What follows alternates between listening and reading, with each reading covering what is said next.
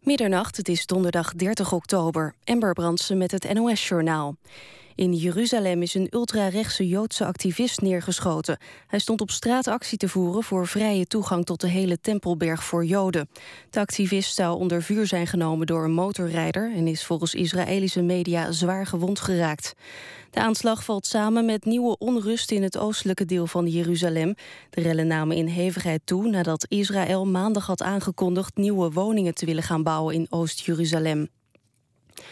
Het ongeluk met een bakfiets in de Zuid-Willemsvaart in Brabant van vorige week heeft een tweede leven geëist.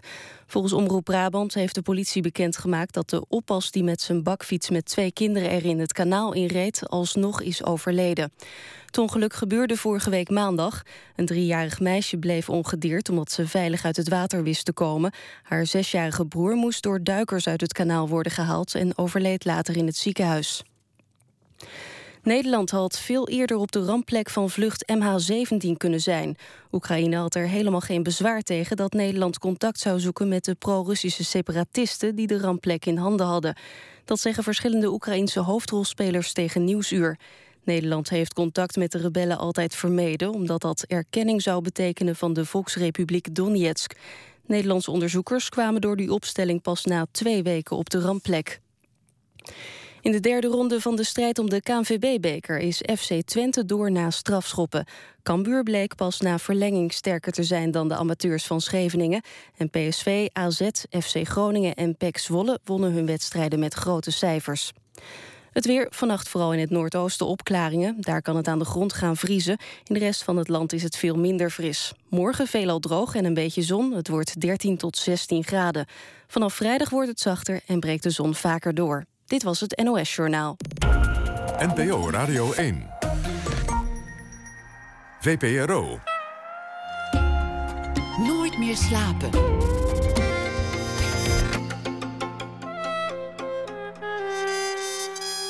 Met Pieter van der Wielen. Goedenacht en welkom bij Nooit meer slapen. Over horror en hartepijn gaat het vannacht. Over een gevallen muur, een verbroken huwelijk en over worst gaan we het hebben. De muur in Berlijn viel 25 jaar geleden, alweer deze herfst. Na één uur vannacht aandacht voor een documentaire over een man die met een zelfgebouwd vliegtuig het Oostblok wilde ontvluchten. Een Halloween horror marathon in 20 bioscopen komend weekend. Blikken we op vooruit. Maar we beginnen met Worst. De titel van de nieuwe roman van Atte Jongstra. Na het stranden van zijn huwelijk vindt de hoofdpersoon troost in een liefhebberij. Worst. En dat gestrande huwelijk lijkt wel erg op Jongstra's eigen huwelijk.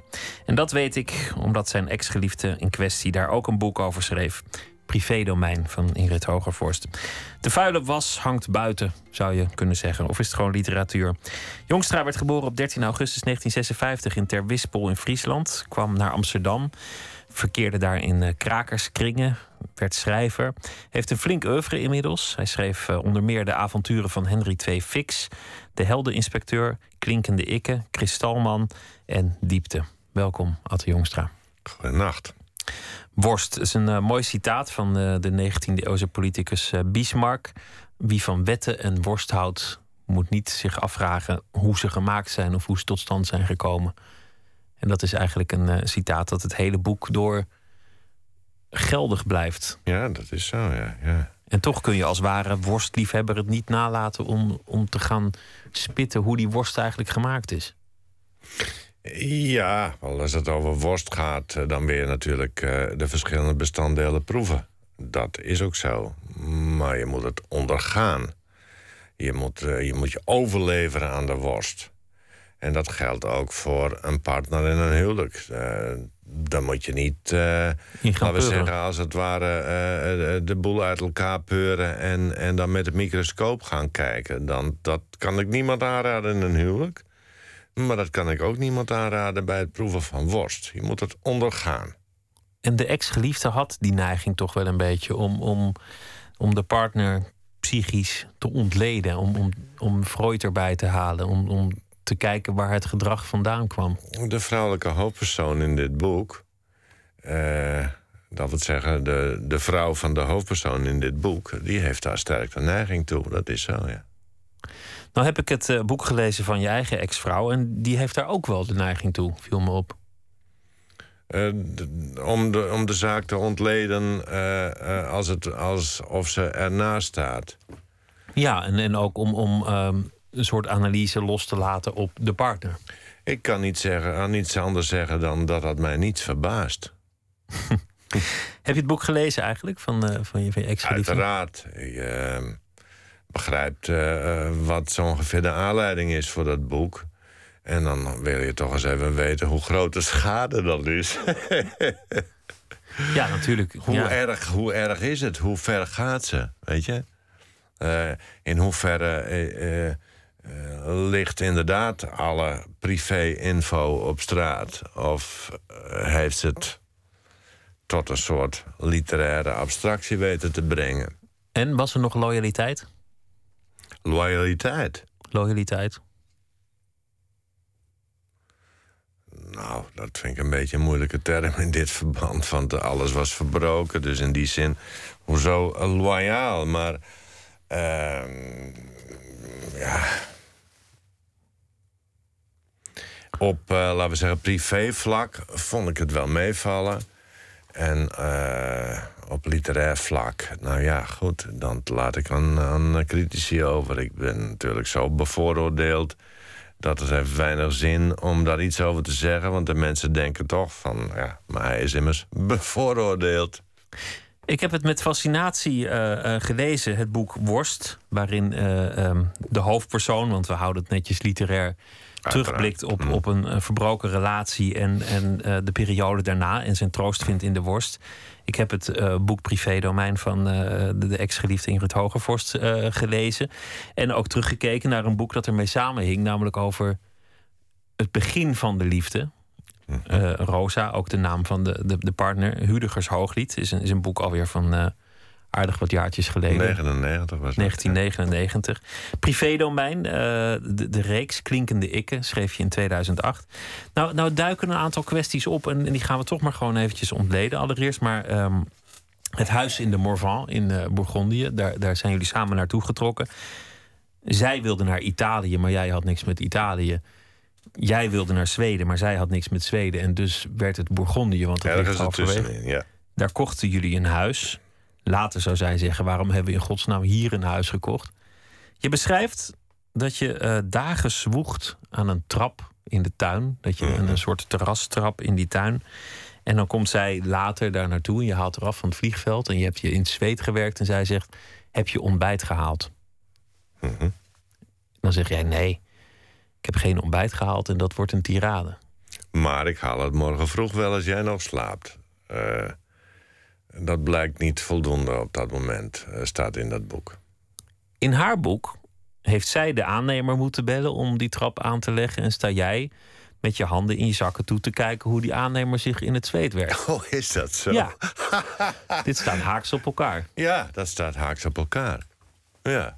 Nou, kennelijk uh, past het uh, voor haar beter in dat boek om, om de versie, uh, de gebeurtenissen zo weer te geven. Ehm, ze noemt het zelf ook een roman, dus die vrijheid heeft ze. In het boek nu uit um, Kijk, ik, kan wel, ik kan natuurlijk wel vertellen van... Uh, nee, zo was het niet. Nou ja. Ik heb die trap zelf gemaakt. En, maar het is toch interessant, want, want zonder dat iemand hoeft te liegen... is dit toch hoe je geheugen hè, na zo'n verbroken liefde... dingen gaat oprakelen en dat er toch oh, hele andere vinden, verhalen... Reusachtige vertekeningen plaats, natuurlijk, ja.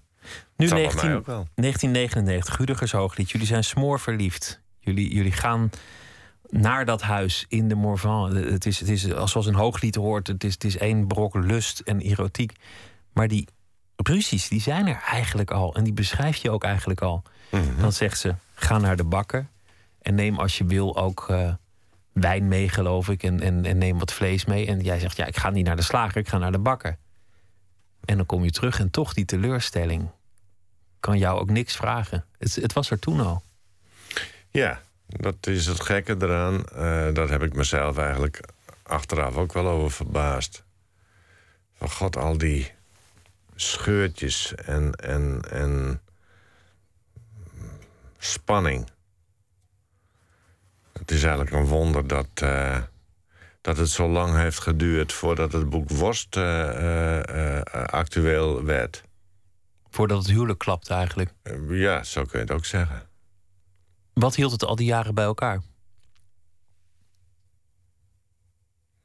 Nou, je verveelt je nooit met, eh, met eh, het type rosa, zal ik maar zeggen.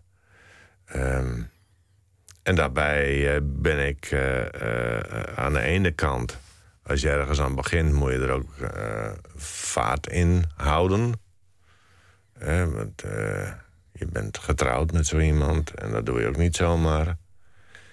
Eh, dus daar hou je ook niet zomaar mee op. Dat in de eerste plaats. En ehm, in de tweede plaats ben ik iemand die erg van vaste gewoontes en, en één plek om te werken is. Ik, ben, ik kan heel erg slecht tegen verhuizen. En dat, ja, dat is toch een factor die je op één plek houdt. Ook al is daar dan ook iemand waarmee het soms wat minder gunstig kersen eten is. Als ik dat eerste boek lees uit 99, dan zijn al die ruzies en al die meningsverschillen, die zijn er eigenlijk al. Alleen wat er tegenover staat is een ongelofelijke brok lust. Gewoon puur fysiek verlangen. Ja, Hormonen. Dat, ja, dat natuurlijk. Eh, die hormonen die spelen altijd een enorme rol in, in vrijwel al mijn boeken. Maar ook in de liefde. Ja. Maar het is ook een soort fantasma. Van nu heb ik mijn grote liefde gevonden. En daar wil je dan echt ook heel erg ver voor gaan om dat te realiseren, als het ware. Om, om ook aan jezelf te bewijzen dat het niet zomaar een fantasie is of zo. Eh, ik heb me in die zin, denk ik, heel erg ook laten meeslepen door het idee van: ja, maar nu heb ik mijn grote liefde gevonden. Maar jullie waren wel echt heel verliefd in het begin. Ja, daar was ook wel reden voor om dat te denken. Maar die haarscheurtjes, eh, ja, dat, dat zie je dan eigenlijk als haarscheurtjes. Maar misschien was er eigenlijk wel veel meer aan de hand, denk ik nu. Toen dacht ik dat niet. Misschien was het toen goed en is, iets uitgewerkt. Zijn die hormonen uitgewerkt? Is die verliefdheid uitgewerkt? Is, die lust verdampt? Nou, die hormonen, dat viel wel wat mee, maar. eh, eh, het was meer. eh, dat er van alles mee ging spelen in dat, in dat huwelijk. Wat niet echt met de liefde te maken had, maar meer met het werk bijvoorbeeld. En eh, nou ja, dat, dat zie je ook in, in die boeken terug. Eh, ik wil dan niet al te zeer over dat huwelijk als zodanig hebben, maar eh, wat ik in mijn eigen boeken teruglees, ja, dat is een soort onontkoombaar einde van het huwelijk tussen de ik en de Rosa. In de boeken in 99 zie je al dat deze personages het misschien wel niet helemaal, helemaal niet zo lang meer gaan redden samen. De aandrift is er wel, maar je ziet ook de verblinding van de hoofdpersoon. Dat fantasma waar ik het over had. En in Worst, ja, eigenlijk is hij nog steeds een beetje in diezelfde blindheid. Maar zij niet, want ja, ze flikkert hem het huis uit. Zij zegt dat, dat hij is weggegaan en dat, dat zij niemand eruit heeft geflikkerd, maar ineens ging die weg en er viel niet over te praten. Ja, ja, dat kun je opschrijven. Daar ben ik niet verantwoordelijk voor. Nou ja, wil maar weer zo'n verschil. Die, die trap in de, in de tuin hè, waar ik het over had. Dus, dus jouw versie dagen in het zweet. En dan gaat iemand zeuren dat je geen ontbijt Ja. hebt gehaald. En dan, dan die andere versie handen in de zak. En dan die, die trap maken. Ik vind dat gewoon een leuk detail. En dan, en dan Hudegers Hooglied samen bouwen aan ons paleis van de liefde. Tussendoor zit het boek Klinkende Ikke 2008. Dan schrijf je: Ik heb het idee opgevat om een toren te bouwen in de tuin van ons huis in de Morvan. Een toren, want dan kan ik uitkijken op het terrein. Nou ja, de, de, de liefde vindt het geen goed idee. De, de vrouw die zegt: Nou ja, waarom wat moeten wij nou met een toren? En, en waarom moet jij altijd klussen? Hè, dan is het weer een verwijt. Waarom moet jij altijd klussen? En dan zeg je: om, om uit te kijken waar ik uiteindelijk op uit wil kijken, is op mijn liefde. Op jou. Dat vond ik zo'n mooi symbool, omdat het, dat, dat, dan zit er nog energie en verlangen in. En, en het verlangen gaat zover dat je een, een toren wil bouwen. Mm. Ja. Maar dat is, is natuurlijk een, een, een, eh, een heel raar, raar symbool in, in, in deze context. Want je, die, die toren die bouw je eigenlijk weg van haar. Hè? Want zij wil hem niet. Dus als je hem werkelijk zou hebben gebouwd, dan heeft ze ongelooflijk de smoor in. Want moet je nou weer de hele tijd met... Uh, ga eens lekker met mij op het terras een boekje zitten lezen... of met, uh, gesprekken over hoe jij in elkaar zit, hè? Maar nee, deze man die wil een toren bouwen. En hij is weg van haar, daarmee. En wat, wat wil je dan doen als die toren klaar is? Weer naar haar kijken. Ja. Afstand nemen en, en, en misschien zit dat er ook wel in. Afstand nemen en dus nadenken over uh, wat wil ik eigenlijk met die vrouw. Ik krijg de indruk dat hier een man aan het woord is die, die vooral met zijn handen over zijn hoofd wilde duiken en, en, en wegvluchten van, van dat spervuur aan vragen, verwijten. En aan, aan het constante oh ja, getrekken. Als je, als je metselen bent, heb je geen tijd voor dat gelul. Want jij wilde vooral geen tijd hebben voor dat gelul. Nee. Want jij wilde er vanaf. Ja. Nou, ik heb de indruk dat je zoveel verwijten hebt gehad in de loop der jaren dat we, niet, dat we misschien niet over je karakter moeten gaan hebben. Dat, dat, dat, dat nou net iets is waar je van bevrijd bent. En als ik dan hier als interviewer ga hebben van goh, Atte, hoe zit jij eigenlijk in elkaar? Dat ik, dat ik dan iets doe waar, waar je echt al meer dan genoeg van hebt. Dat heb je al 15 jaar naar je hoofd gehad. Ja, nou, ik kan het kort samenvatten. Ik heb altijd gedacht dat ik een slecht mens was. En uh, op het moment dat ik uh, dacht van... hé, hey, dat valt eigenlijk wel wat mee... naar psychiater nummer drie... Uh, was eigenlijk deze verhouding af.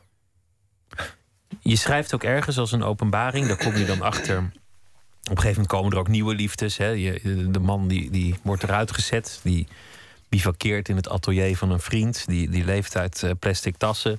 Die vindt zijn hobby, de worst. Dat biedt troost, dat geeft gezelschap. En dan komen er andere liefdes. Dat is altijd heel verstandig. De metadonbus van de liefde. Zo is dat. En dan op een gegeven moment komt hij erachter en dan zegt hij... eigenlijk ben ik gewoon een hele lieve man. Ja, dat was een schokkende ontdekking voor mij. Die vond geloof ik plaats in, uh, hoe eens even denken... Uh, dat zal... Um eind uh, 2011 zijn geweest. Dat je ineens dacht, goh, ik, ik, ik, ben helemaal geen hork. Ik ben helemaal geen moeilijk mens. Ja, wel, dat was uh, de conclusie die uh, mijn laatste psychiater en ik zo ongeveer uitvonden. Was je eigen idee om naar een psychiater te gaan? Ja, ik, wel, ik had voor het eerst van mijn leven had ik een flinke depressie te pakken. Ik heb altijd. Uh, ik heb wel eens uh, opgetreden met Geert de Meijsing. En die uh, heeft geregeld depressies en schrijft er ook over. We waren nota bene uitgenodigd om te vertellen oh, iets over geestelijke problemen. Niet noodzakelijkerwijs van jezelf. Hoe dan ook, Meijsing deed dat wel. En die vertelde dus over zijn depressie. Ik zei: Ja, ik heb geen talent voor depressies. Oh, zegt hij. Een schrijver en, en, geen talent voor depressies? Ik zei, nee, sorry, maar ik heb het gewoon niet. Een half jaar later had ik mezelf. Hoe wist je dat? Hoe merkte je dat? Oh, ja. Nou, ja, dat, dat is op zich is dat heel gek. Want uh, ik ging, ik voelde me echt helemaal kloten. Dus ik denk van ja, ik moet wat doen. Dus ik ging alleen naar dat huis in Frankrijk.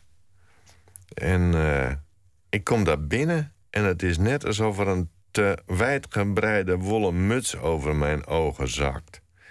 Dus ik sta daar in dat huis te snikken en ik denk van nou, als, dat, als, er nou als ik nou aan depressies denk, dan zou dit het wel ongeveer kunnen zijn. Dus dan heb ik daar een week een beetje rond uh, zitten prutsen. En toen ging het wel weer. sindsdien heb ik hem niet meer gehad. Misschien is mijn talent toch wel niet zo heel groot voor, voor een depressie. Nee. Ja. nee, ja, de Morvan, de winter is ook niet. Uh, ik bedoel, het helpt gewoon. Het was uh, januari inderdaad. Ja, ja nou, dan heeft iedereen een depressie. Joh. Zeker in de Morvan. We gaan luisteren naar muziek eh, van Anthony en uh, de Johnsons. En het uh, nummer heet Daylight and the Sun. Now I cry for daylight. Daylight and the sun. Now I cry for daylight. Daylight, everyone.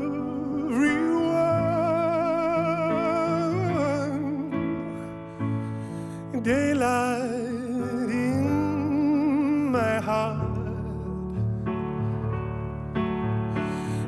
Daylight in the trees. Daylight kisses everything. She can see.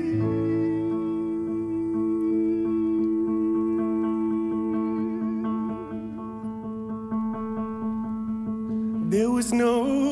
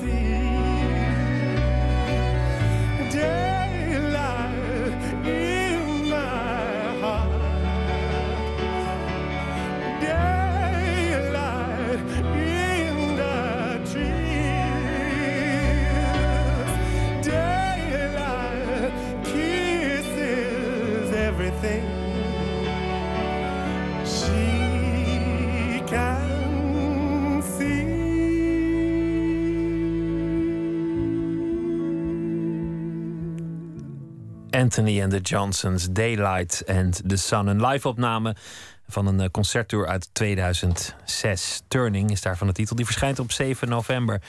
Nooit meer slapen in gesprek met Atte Jongstra... naar aanleiding van zijn boek Worst. En over een gestrand huwelijk en een man die troost vindt in zijn hobby. En, eh, want zo doen mannen dat eigenlijk, hè? Die, die hebben een hobby of een... eh, Of een een schuurtje in de tuin, of, of een boot. En ik had worst. Ja, worst, ik had er nooit over nagedacht dat het een hobby kon zijn... maar waarom ook niet? Ja. eh, eh, ik heb een vriend die, eh, die eh, is de hele tijd met, met miniatuurtreinen bezig. Dat zou ik me ook kunnen voorstellen. Ik heb- heb nou toevallig worst. Maar ik had vroeger ben ik met scheepvaartdingen bezig geweest. de Oude, oude schepen en zo. Eh, maar worst, eh, dat was. ehm, ik kwam dus op een gegeven moment een aantal eh, kunstenaars tegen. En die hadden met z'n allen een soort worstclub. En daar heb ik me als een haas bij aangesloten. Het waren leuke mannen, leuke vrouwen. leuke bijeenkomsten, gebeurden gekke dingen. Niet zo saai als schrijvers onder elkaar. Want dat is over het algemeen nogal, naar mijn ervaring. A, erg in de concurrentiesfeer. En, en nogal netjes. En ik wilde liever wat losser volk. Eh, Zoals ik dat vroeger met die krakers eh, gewend was. En die kwam eerder onder beeldende kunstenaars tegen. Dus toen die worstclub eh, op mijn pad kwam, ik denk, oké, dat, eh, dat is leuk. En zo eh, praat je over worst, je proeft worst. Eh, ik ging natuurlijk op mijn eigen manier alle mogelijke dingen over worst opzoeken. En dat werd zo'n hele hobby. Want elk land heeft zijn worst, elke streek heeft zijn worst. Ja. Je hebt vele soorten worst, daar kan je natuurlijk Geweldig. uren over praten. En, en eh, nou ja, je hebt, je hebt er duidelijk ook, ook studie van gemaakt. En dat heeft je er eigenlijk ook een beetje doorheen geholpen in die, in die zwarte maanden na je huwelijk. Ja, de, de vergaderingen van de worstclub. eh daar kwam je ook nog wel eens een andere vrouw tegen. Was leuk. En, eh, maar ook, ja, ik zat op een atelier waar je dan niet echt goed kon koken. Dus ik heb ook heel erg veel worst op brood gegeten, zou ik maar zeggen. Dus ook in die zin was het een soort kurk eh, waarop ik dreef.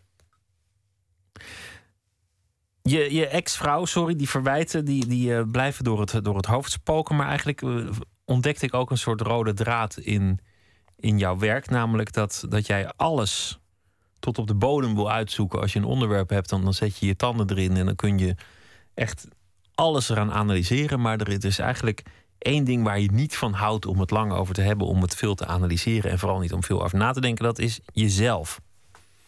Ja. Een enorme afkeer van zelfanalyse. Waarom eigenlijk? Ik vind eigenlijk mijzelf als persoon helemaal niet zo interessant.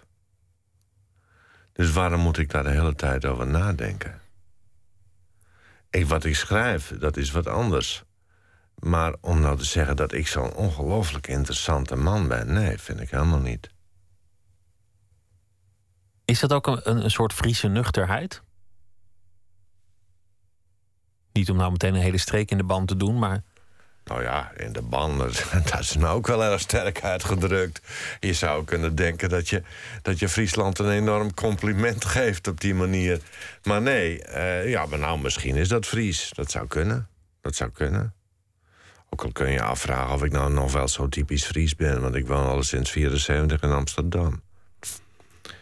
Maar ik hou er niet van, nee. Ik, maar ik wil, eigenlijk, ik wil eigenlijk niet de hele tijd over mezelf praten... want dat, ik vind mezelf niet zo interessant. Maar je zit, je zit wel permanent met jezelf opgescheept. En je, en je, schrijft, ja, ook, dat is zo, ja. en je schrijft ook persoonlijke eh, boeken, zo'n privédomein. En, en dan is het eigenlijk ook grappig hoe je, hoe je het hebt over een, een kunstwerk dat je bent tegengekomen. Over, over, een, over een schrijver die je kent. Over, over allerlei streken die je bezoekt. En allemaal met heel veel verven beschreven. Maar hoe je eigenlijk de, de verteller beetje buiten schot probeert te houden. Die, die, die duikt. Die wil eigenlijk niet op die bladzijde aanwezig zijn.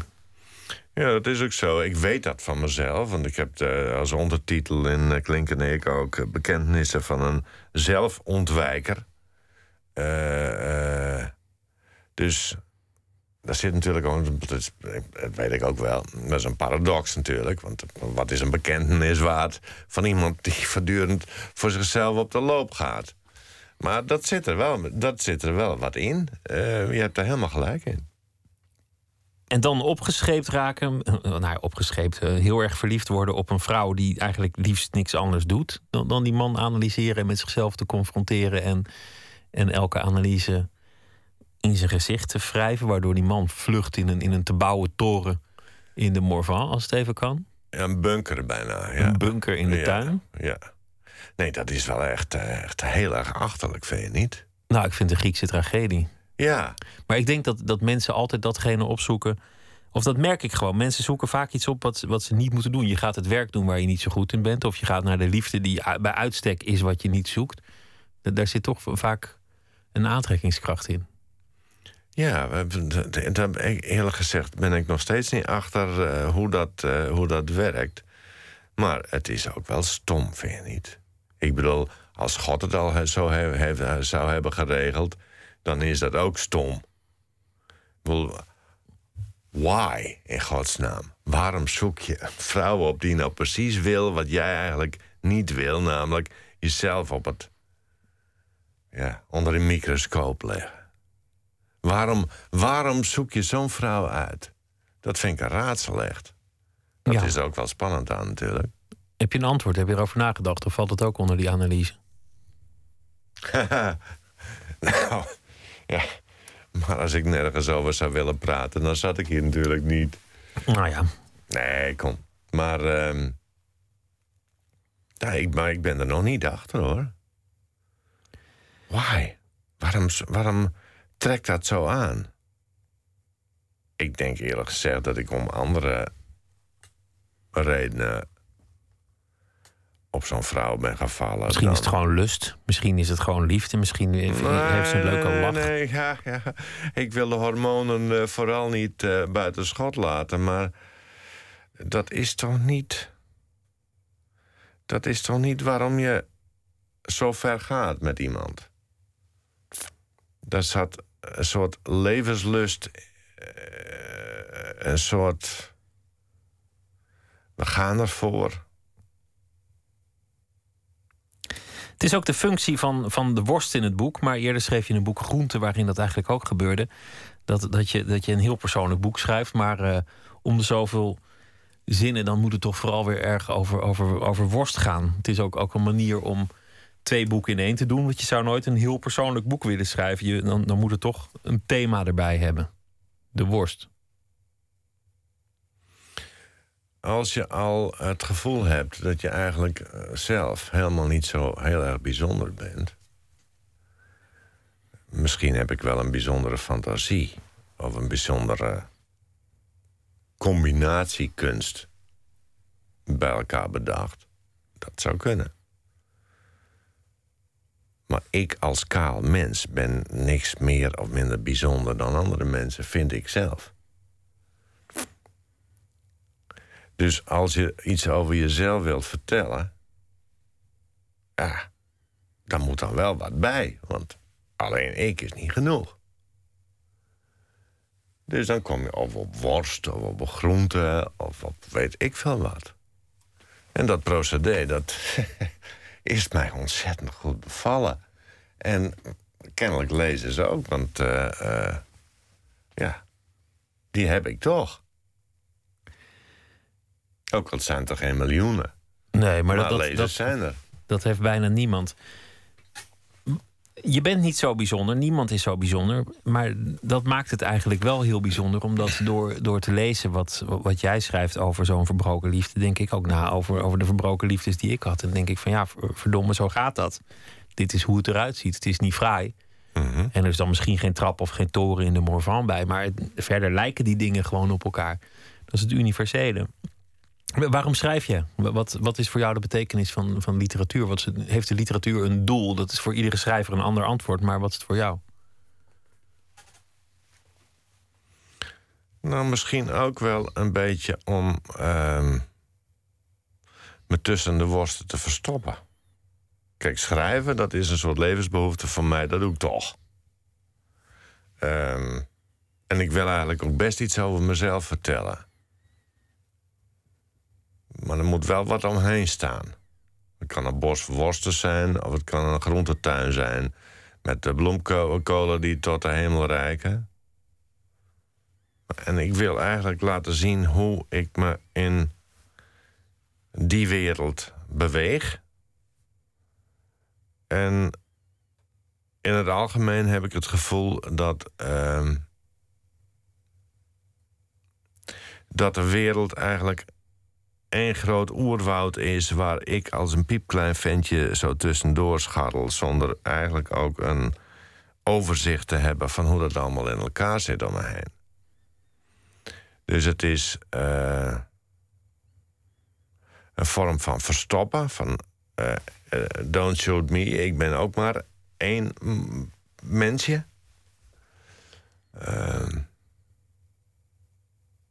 maar ook exemplarisch in de zin van iedereen heeft dat. Ook al bij een minister-president of, eh, of president van Amerika, maakt niet uit. Het zijn allemaal hele kleine mensen in een eh, chaotische wereld die voortdurend verandert.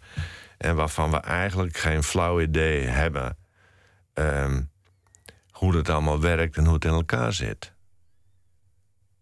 We zijn opgevoed met, eh, met eh, de ordelijke, eh, bijna wiskundige, Vitruviaanse opvatting van hoe de werkelijkheid in elkaar zit. Nou, Einstein is er op een gegeven moment bijgekomen. Die heeft de factor tijd ingevoerd. De, de vierde dimensie. Dat wordt al heel moeilijk voor te stellen hoe dat nou werkelijk werkt. Nou, dan heb je dus tegenwoordig.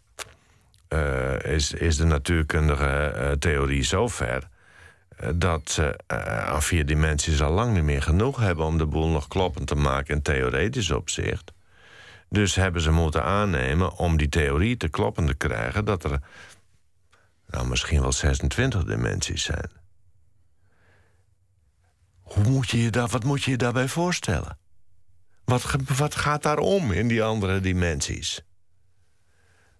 Dat hele gevoel, ik heb er in grond al over geschreven. Dat hele gevoel maakt je uiteindelijk wel heel erg nietig als mens die de wereld eh, overziet. Nou, dat gevoel. Ook en gecombineerd met dat ik mezelf nou niet zo vreselijk interessant of belangrijk vind. Maar eigenlijk anderen ook niet. Dat is ongeveer de basis van mijn hele manier van schrijven. Uitgaande van het feit dat ik gewoon schrijf. That's what I do. Dat is mijn. Maar ik, ik snap wel je gevoel van nietigheid. Hè? Want, want oké, je hebt dan. ehm, nou ja, 90% van alle materie kennen we al niet. Hè? Dat, dat noemen ze dan dark matter of, of, eh, Ja, ja. of donkere energie of hoe je het noemt. Dus we hebben het maar over 10 eh, procent. En dan zijn er miljarden planeten op, eh, en miljarden sterrenstelsels al met, met elk planeet. Dus nou ja, en dan zijn er al 7 miljard mensen op aarde. En die gaan allemaal een keer dood. Dus als je moet optellen hoeveel mensen er ooit geweest zijn, ja, dan ben je zo onvoorstelbaar onbelangrijk. Maar dat ontslaat je toch niet van de plicht of de noodzaak om een, om een leven te leiden, om, om lief te hebben, om, om elke dag eh, uit je werk Nee, te, maar dat te doet het komen. niet. Nee. En, eh, en ik ben er niet onzichtbaar. Ik, ik maak mijzelf juist heel erg zichtbaar met al die boeken. Eh, natuurlijk. Dus die nietigheid is eigenlijk op individueel niveau totaal irrelevant. Je moet dat leven, hoe nietig het ook is, ten volste leven. Ja, er zit weinig anders op. Daar heb je Je gelijk hebt geen in. keus. Maar dat betekent niet dat je jezelf aldoende zo vreselijk belangrijk hoeft te vinden. Het gekke is dat, dat liefde, als het verbroken is, blijkt toch ook uiteindelijk een, een kwestie van het ego. Hè? Het, is, het is toch ook een, een. alsof er een boekhouder is geweest die tot, tot negen cijfers achter de komma alles heeft bijgehouden. Elke opoffering, elke nederlaag, elke tekortkoming. Alles wat je geïnvesteerd hebt, blijkt toch ergens in het onderbewustzijn genoteerd te zijn. Terwijl, terwijl je zou zeggen dat liefde is het opheffen van het ego. Maar dat, dat is het volgens mij helemaal niet in praktijk. Nee, daar heb je gelijk in. Maar eh, eh, dat idee heb ik wel lang gehad. Huttigus Hooglied is daar eigenlijk een soort eh, uitdrukking van. Ehm, en in Groente zit dat ook. Ik heb, is ook een boek over wat ik als, destijds zag als ideale liefde. En dat was eigenlijk het, eh, een, een soort mystiekachtig idee van je gaat op in in de vrouw waarvan je het idee hebt dat die beter is dan jij. Ik stel het me ook fysiek voor. Dus, eh, en die, die, dat is verder geen niet eh, speciaal door mij bedacht. Want er zijn heel erg veel voorstellingen, eh, ook in de beeldende kunst gemaakt, van, van ik noem dat plonsmannetjes. van die hele kleine figuurtjes. Robert Crump heeft ze getekend. En Kubin en een heleboel beeldende kunstenaars... die hebben gewoon kleine mannetjes... die zo in het geslacht van een vrouw duiken... en daar ook nooit meer uit tevoorschijn komen.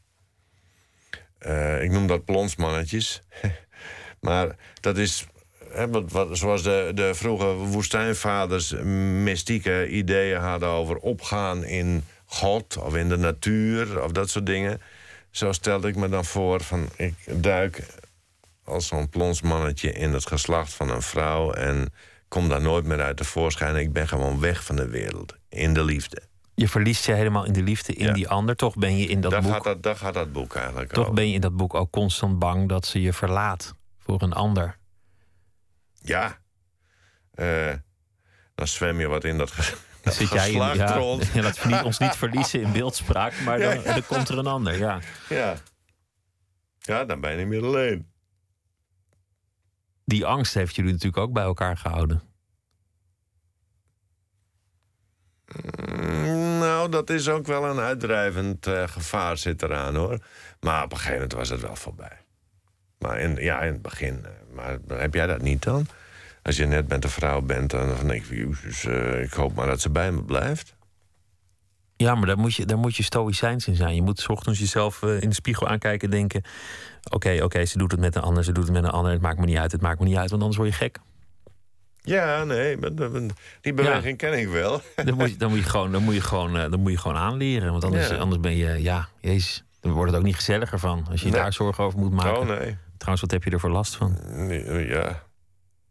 Ja, Uiteindelijk. Nou ja, de literatuur, want dat wilde ik nog vragen. Wat is, wat is het doel van de literatuur? Vorige week was hier Joost de Vries te gast. En die had toch wel een beeld dat literatuur moet troosten. Die vindt dat literatuur mensen in dat, in dat moeilijke leven troost moet bieden. aha. Wat interessant. Hoe zie jij dat? Schrijf je boeken om verhalen te vertellen? Schrijf je boeken eh, om, om, om iets van jezelf in- tot uiting te brengen? Moet het een urgentie hebben wat de, wat de verteller beweegt? ik schrijf en druk mij, mij daarmee zelf uit. Het is een vorm van expressie. Maar als je zegt van schrijf jij om te troosten? Nee. Ik schrijf meer om mensen als het ware een soort oefening te bieden in het omgaan met chaos. En het eh, jezelf een weg zoeken in een baard aan verschijnselen waar je ja, het overzicht niet zo direct in hebt. Ehm, Dat is bijna troost. nee, dat is, dat, zijn, eh, dat is eerder een cursus dan dat het troost. Troost, dat is mensen geruststellen. Mensen, eh, laten we zeggen, eh, hoe moet je het zeggen? Ehm, het is, er zit iets, iets, iets smeerachtigs aan. Van, oh, het, het- het valt wel wat mee en het is allemaal zo erg niet. Och, en wat heb je toch vreselijk en zo. Nee, maar dat doe ik niet. Ik wrijf het er nog eerder in. Want je moet, je moet eh, eh, alert zijn. Je moet eh, creatief zijn. In, in de zin van mogelijkheden opzoeken. Dingen uitvinden, dingen maken. Zorgen dat je niet overspoeld raakt door, door eh, eh, de, de puinhoop. Vechten. Nee, dat, nee, dat hoeft dan niet. Maar eerder dan nog als, als water eh, een weg zoeken. Naar het onvermijdelijke graf natuurlijk. Want de weg van alle vlees, eh, eh, die lopen wij ook af. Maar je kunt het nog wel een tijdje wat eh, prettig eh, uitstellen. Als je geluk hebt. Maar het gaat mij erom, ik wil dus mensen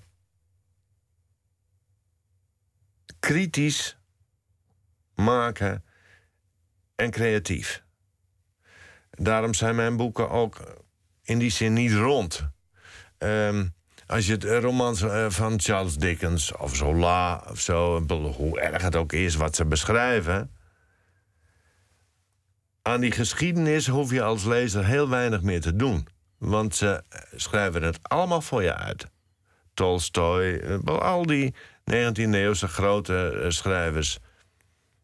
Dat noem ik troostende literatuur.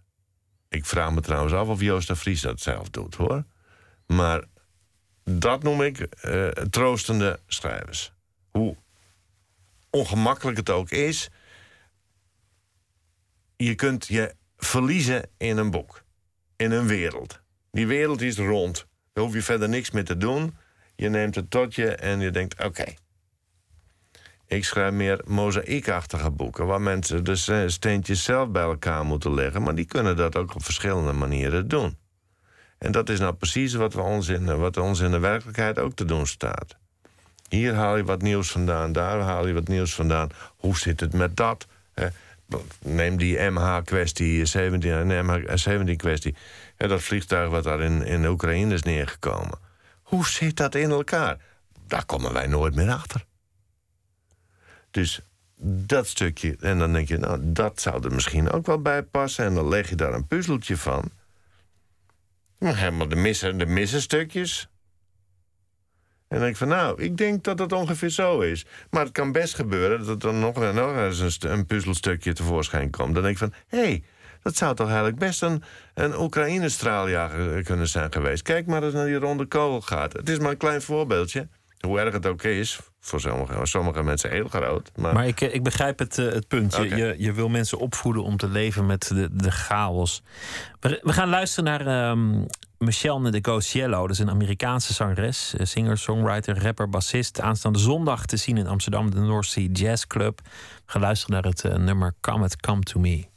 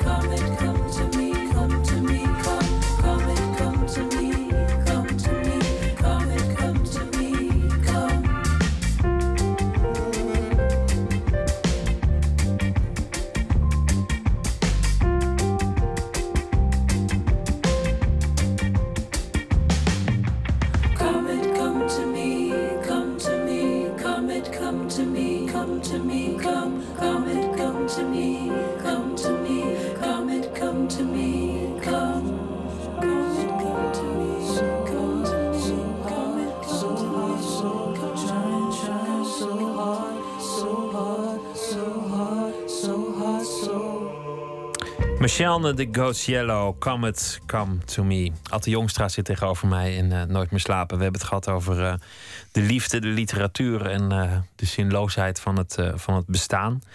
Ehm, je bent eh, geboren in Friesland. Eh, in, een, eh, in, een, nou ja, in een boerengezin eh, was het eh, van oorsprong, een, een boerderij. Nee, nee, nee, dat heb ik jarenlang beweerd. Maar mijn vader was eh, hoofd van een lagere school. Oh, kijk. Ja, ik denk, eh, als je in Amsterdam eh, rondloopt, eh, dan, dan vindt men je toch al, zeker met mijn accent, snel een boer. Dus je dacht, dan ben ik ook maar gewoon een boer. Ik ik ben op een boerderij geboren hoor. dat is iets wat, wat je graag doet, hè? De, de fantasie en de werkelijkheid af en toe een beetje, do- be- beetje mengen. Zo, had je ook bij je boek Henry Ja, maar dat Fix. bijt elkaar ook niet zo, vind ik. Je had, ook, je had een mooi boek geschreven over een personage. En toen dacht je, ach, waarom zou ik niet zeggen dat hij echt bestaan heeft? En de mensen die, die gingen er aanvankelijk voor, waren toen ook boos toen het niet zo bleek te zijn. Ja, nou ja, dat was wel een bepaald type, type mensen natuurlijk. Want eh, ik was toen gastarchivaris en dit was het project. Dus ik bedenk een, een, een man uit Zwolle die nooit heeft bestaan. Maar ik heb volgehouden dat hij wel had bestaan. En dan is het archivaris-type, als hij erachter komt dat hij inderdaad nooit heeft bestaan. Ja, die worden dan boos. En dan heb je nog een bepaald soort. eh, vind ik niet zulke hele goede historici die daar ook heel erg aan hechten. Eh, nou, die waren dan ook boos. En er was er eentje die ging zo ver dat eh, als het archief, wat mij die opdracht had gegeven, dit boek faciliteerde. Nou, dan vonden ze het ook vast niet zo erg om de holocaust te ontkennen. Oh, dat, dat, dat klinkt heel goed. Dat klinkt heel... eh, Ik was Wel erg blij met die uitspraak. Ik heb hem. Ik heb ja, dan is de discussie ook wel over natuurlijk. Ja. ja, dat, dat type historici eh, hoef je natuurlijk niet heel erg serieus te nemen. Je hebt ook wel eens verteld dat je in, in de jaren tachtig, toen het in Amsterdam grote chaos was met de, met de krakersbeweging, dat jij daar tussen woonde. Wat opmerkelijk is voor iemand die niet van verhuizen zegt te houden. En, en omdat de politie daar niet meer durfde te komen, was jij een van de leden van de ordendienst die daar toch nog een zekere vorm van orde tussen het anarchistisch gespuis moest bewaren. Ja, ja, ja. Eh, er, waren, er waren branden zo nu en dan. En er zijn ook een paar doden bij gevallen. Eh, van Beuningenstraat destijds. Ik woonde trouwens, trouwens zelf ook in de Van Beuningenstraat, maar in een ander blok. Ehm, en op een gegeven moment zat er een, eh, een, eh, een heroïnedealer die daar eh, de buren terroriseerde. Er waren trouwens ook schurftzolders, mensen met, met, met schurft. En, en het was echt eh, een, flinke puinhoop zo nu en dan. Ja, en de politie durfde dan niet meer te komen. Of, eh, ja, want anders hadden ze de hele handel in één keer moeten ontruimen. Die operatie konden ze toen niet aan. Dus die had zich zo'n beetje teruggetrokken van dat blok. En denken van, nou ja, eh, laat die anarchisten dan ook maar zelf uitzoeken. Dus dat deden wij dan ook. Dus er was een soort, ja, actieclubje. Met leren jassen en, en knuppels en, en, en zo. En daar zat ik toen ook bij. Hoe hield je je daar staande? Want, want nou ja, je, je hecht aan plekken, je hecht ook aan, aan je, je boeken en je rust om te werken. Je hecht ook aan je rituelen, dat heb je ook gezegd. Ik, ben, Mm. ik hecht aan gewoontes. En dan woon je in een omgeving die toch zeer chaotisch is. Nou, ik woonde zelf buiten dat blok hoor. Ik had gewoon een etage met een boekenkast en, en een bureau. Eh, ik studeerde alleen op dat moment niet. Ik was dat volop in de actie. Dus eh de, kraakspreekuren, mensen helpen met het zoeken van een kraakwoning. Eh, ik zette zelf slo sloot in de deur, eh, maakte ook deuren open... om er vervolgens dan weer een nieuw slot in te zetten. Zeggen van alsjeblieft, hier, ga er maar in. Eh, en we hadden dan die d- orde, ordedienst nog. En, we, en bij de grote kraakactie in, in de stad. het NBBS-gebouw had je toen. En, eh, ehm, eh, een, een pand van Krasnapolski. Eh, dat was dan echt het, het grote werk. Met, met een paar honderd man eh, en, en ineens zo'n heel groot pand kraken. Dat deden we ook. Van daaruit eh, kwam de liefde voor de literatuur, het schrijven. Inmiddels een, een, eh, een oeuvre om u tegen te zeggen. Het, het, was een, eh, een enorme, het is een enorme stapel eh, geworden. Huwelijk gestrand, nieuwe liefdes kwamen, nieuwe liefde. Op het laatste moment in het, in het boek Worst er vandoor of is alweer terug? Nou ja, eh, er is wel iemand. Nou, dat is mooi. Maar hoe verder? Want je zegt het leven is zinloos. Ik, ik eh, vind mezelf niet interessant. Ik, ik, ik schrijf omdat ik die drang heb. Ik schrijf omdat ik lezers heb. Ik ga door. Hoe, hoe zie je het eigenlijk voor je? Hoe moet het, hoe moet het nou verder? ik, ik geloof dat je mijn leven uitzichtlozer voorstelt dan ik het zelf doe. Nou, dat weet ik niet. Nee, ach, ik, Nee, nee, ik heb een maar- enorm, enorm eh, eh, eh, veel plezier in het leven en het gaat goed. En ik ben weer met het volgende boek bezig. Ik heb een tentoonstelling gemaakt in Rijksmuseum Twente in Enschede. Dat wil ik nog wel eens een keer doen. Ehm, eh, ja, Gewoon doorgaan, gewoon doorploeteren. Want, want dat, we waren het er net over eens dat het leven uiteindelijk is. Ja, nou, ploeteren, ploeteren. Eh, ik heb weer een huis in Frankrijk gekocht. En eh, daar, dat is een gigantische hoeveelheid werk. Het is weer van voor naar waan beginnen. Eh, er moet een nieuw dak op. En de, de muren moeten eh, afgebroken. En, en weer opnieuw. En eh schoorsteen lekt. En eh, de tuin moet... Uh, enfin. Fransen zeggen altijd als je moet klussen, dat, dat beschrijf je ook ergens. Als je, als je wat dan ook moet doen, dan moet je een krant gaan kopen. Zeggen ze altijd bon courage, Ja. sterkte. Mhm. Maar voor jou, je, je zegt het met glimmende ogen van er is zoveel te doen. Je hebt er zin in om je daarop te storten, op dat huis. Enorm. In de eerste plaats omdat als je alleen maar schrijft, dan zit je dus de hele dag achter het toetsenbord. En dat is niet goed voor je gezondheid. Fysiek. Maar het is ook geestelijk niet goed. Eh, ik moet los van het literaire en de kunst ook gewoon iets met mijn handen doen. Eh, ik ben nu net een dag in, in, bij dat huis bezig geweest. En eh, een van de dingen die ik heel snel doe, is naar een bos rijden en daar allemaal eh, jonge berkjes en, en beukjes uit eh, de bosgrond eh, trekken. En die vervolgens verzamelen en planten als heg om mijn tuin heen. Dat vind ik het heerlijkste wat er is. Toch over dat, dat huis. Ik vind het wonderlijk dat je dan, dan weer zo'n huis koopt na het, na het vorige huis. Ja, het vorige was ook bijna af toen het verkocht moest. Ja, en toen kwamen er andere mensen die vonden het wel goed. Jij was met inmiddels je nieuwe liefde die van wanten wist en het weer leuk vond om samen met jou te klussen. Ja. Dat, er stond, werd niet verweten van je stond met je handen in je zakken terwijl de aannemer het werk doet. Of, of ik heb de hele dag gezwoegd en jij zeurt over het ontbijt. Dat, maar dat was ook een wonderlijk verhaal. En het was Goed, gewoon heb ik het al gezegd. Goed, ja. Maar dan is er toch ineens die, ehm, die kwestie wie nou uiteindelijk het huis verkocht heeft. Want, want daar zijn ook weer twee totaal verschillende verhalen over. Oh, is het zo? Hij zal het wel heel erg vinden dat ik het huis verkocht heb. En, en jij zegt, ik, ik heb het huis verkocht. Nee, ik vond dat, een is- goed besluit. Nou ja, eh, er zat weinig anders op. Ik bedoel, als je een huis samen hebt en je gaat uit elkaar... en de een heeft geen geld om de ander uit te kopen... dan zit er maar één ding op. Dan moet je het huis verkopen en het geld delen. Een gezonde gezamenlijke beslissing. Nou ja, ja eh, een on- onvermijdelijkheid. Dat kan je niet eens een gezamenlijke beslissing noemen. Dus daar was, daar was helemaal geen verwijt. Eh, nee, ik vond dat... Nee, dat was onvermijdelijk. Ik heb er wel de, de smoor over in natuurlijk. Maar het was, het was onvermijdelijk. Ik had geld niet om haar uit te kopen. Klaar. Ik vind het, eh, ik vind het wonderlijk hoe, dat, hoe het geheugen werkt en hoe eigenlijk alles al aan het begin in een liefde zit, wat aan het eind tot, tot uitbarsting komt als een groot gapend gat. Hoe er twee verhalen ontstaan van iets wat één was. En wat allebei toch wel over dezelfde incidenten gaat, maar van een totaal andere kijk. Ja, dat is toch prachtig. Het, het, zijn, het was een stapel van, van vier verschillende boeken die, die eigenlijk een soort ultieme roman waren over, ja, over hoe dat eigenlijk werkt, zo'n kapotte liefde.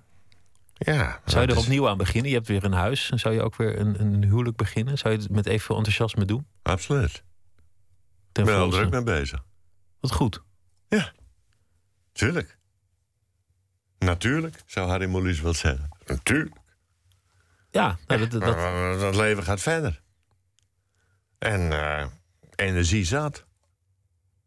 mooi. Goed om te horen. Dank dat je te gast wilde zijn ook. En eh, succes met het verbouwen van het huis. Met, Hey. met de liefde, met het, met het schrijven. En met eh, nou ja, alles wat je doet om de zinloosheid eh, te overwinnen. Atte Jongstra, dankjewel. En, en thuis een plakje worst, vermoed ik. Absoluut. Ik heb er een heleboel liggen. en ik kan het iedereen aanraden. Goed, Nooit meer slapen gaat zo meteen verder. En dan gaan we het hebben over eh, horror en Halloween. En we gaan het ook hebben over de Berlijnse muur. En over eh, ophef in de Vlaamse uitgeverswereld. Twitter, VPRO NMS. Of via de mail nooitmeerslapen.vpro.nl.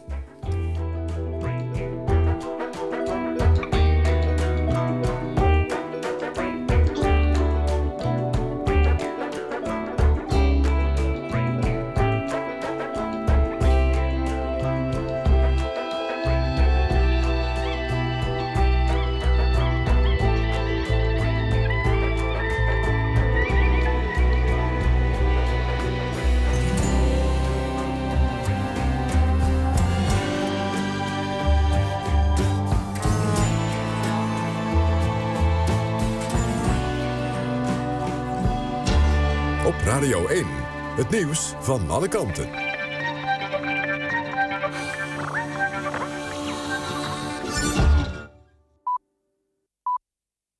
1 uur, Ember Brandsen met het NOS-journaal.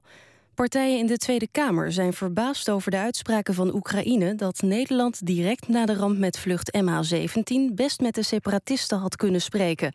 Nederland had zo waarschijnlijk veel eerder op de rampplek terechtgekund... dan nu is gebeurd, blijkt uit berichtgeving van Nieuwsuur. D66, GroenLinks en CDA vragen zich af of de keuze van premier Rutte... om niet met de rebellen te gaan praten wel de juiste was. D66-Kamerlid Sjoerdsma denkt dat er misschien te veel rekening is gehouden met wat Kiev daarvan zou kunnen denken. In Jeruzalem is een ultrarechtse Joodse activist neergeschoten. Hij voerde op straat actie voor vrije toegang tot de hele Tempelberg voor Joden.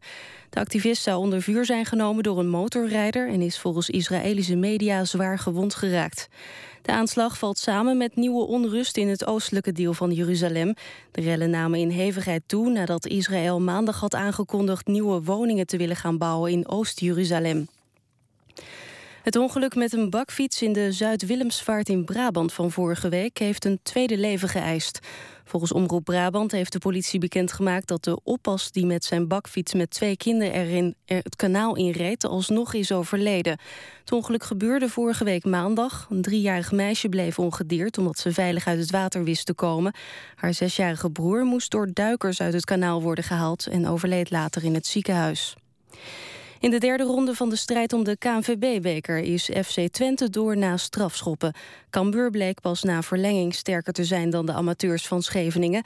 En PSV, AZ, FC Groningen en PEC Zwolle wonnen hun wedstrijden met grote cijfers.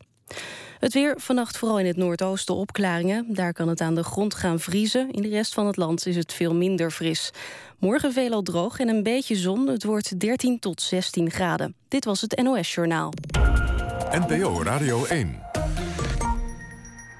VPRO. Nooit meer slapen.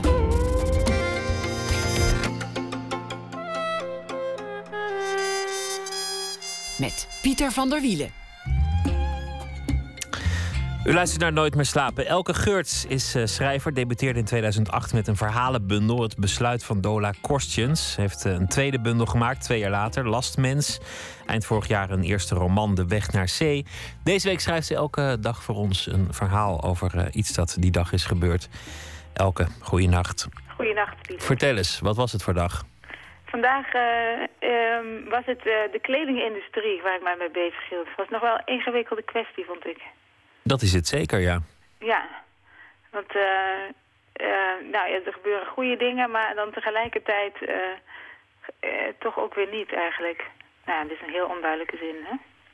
Nou, het is ook een onduidelijke situatie, dus die laat zich ook het best met een onduidelijke zin beschrijven. Ja, ja precies. Zal ik een stukje lezen? Ga je gang. Het heet De Katoenspinnerij omdat ik deze week elke dag voor Radio 1 een verhaaltje schrijf over iets dat ik in de krant tegenkwam, verzin ik nu een meisje uit Zuid-India. Ik geef haar de naam Padma. Dat betekent lotusbloem. De lotusbloem is een symbool voor zuiverheid. Dat maakt het extra schrijnend.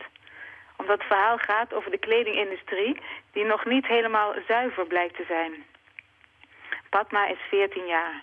Werkt 14 uur per dag met 10 minuten pauze in een spinnerij een stoffige fabriek zonder daglicht waar ze ruwe katoen tot garen spint. Wie denkt er bij het aantrekken van zijn truitje aan dat het ooit ergens gesponnen is? S'nachts slaapt ze met kasteloze collega's in een hostel van het bedrijf. Ze krijgt slechte eten en omdat contractueel is vastgesteld dat ze haar loon pas over drie jaar krijgt, kan ze nu niet weg. Nooit weg. Over die kutbaas van haar hoef ik niet uit te wijden. En zo gaat Padma's leven als moderne slavin op de katoenspinnerij voorbij, zonder dat iemand het weet.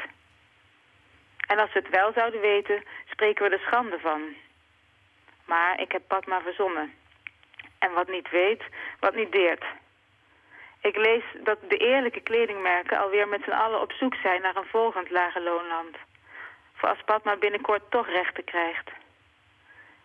Ik schrijf dit stukje in een rood vestje dat 5 euro kostte in een ondergrondse shoppingmall in Bombay. In het echt was dat in Peking, Maar het is allemaal ver weg. En het vestje was toch al gemaakt. Dat maakte niets meer uit. Het wonderlijke waar jij ook aan refereerde in deze kwestie, dat, dat las ik dan vanochtend weer, is, is dat die kledingmerken bijvoorbeeld zeggen van ja, wij werken met lokale producenten en het is daar gewoon niet de cultuur om meisjes vrij te laten. Dat zou die Ja. meisjes ook in, in de problemen brengen als je die na het werk naar huis zou laten gaan. Want, dus wij moeten wel conform de, de plaatselijke cultuur die meisjes s'nachts in de fabriek houden. Laten, laten slapen ook, ja.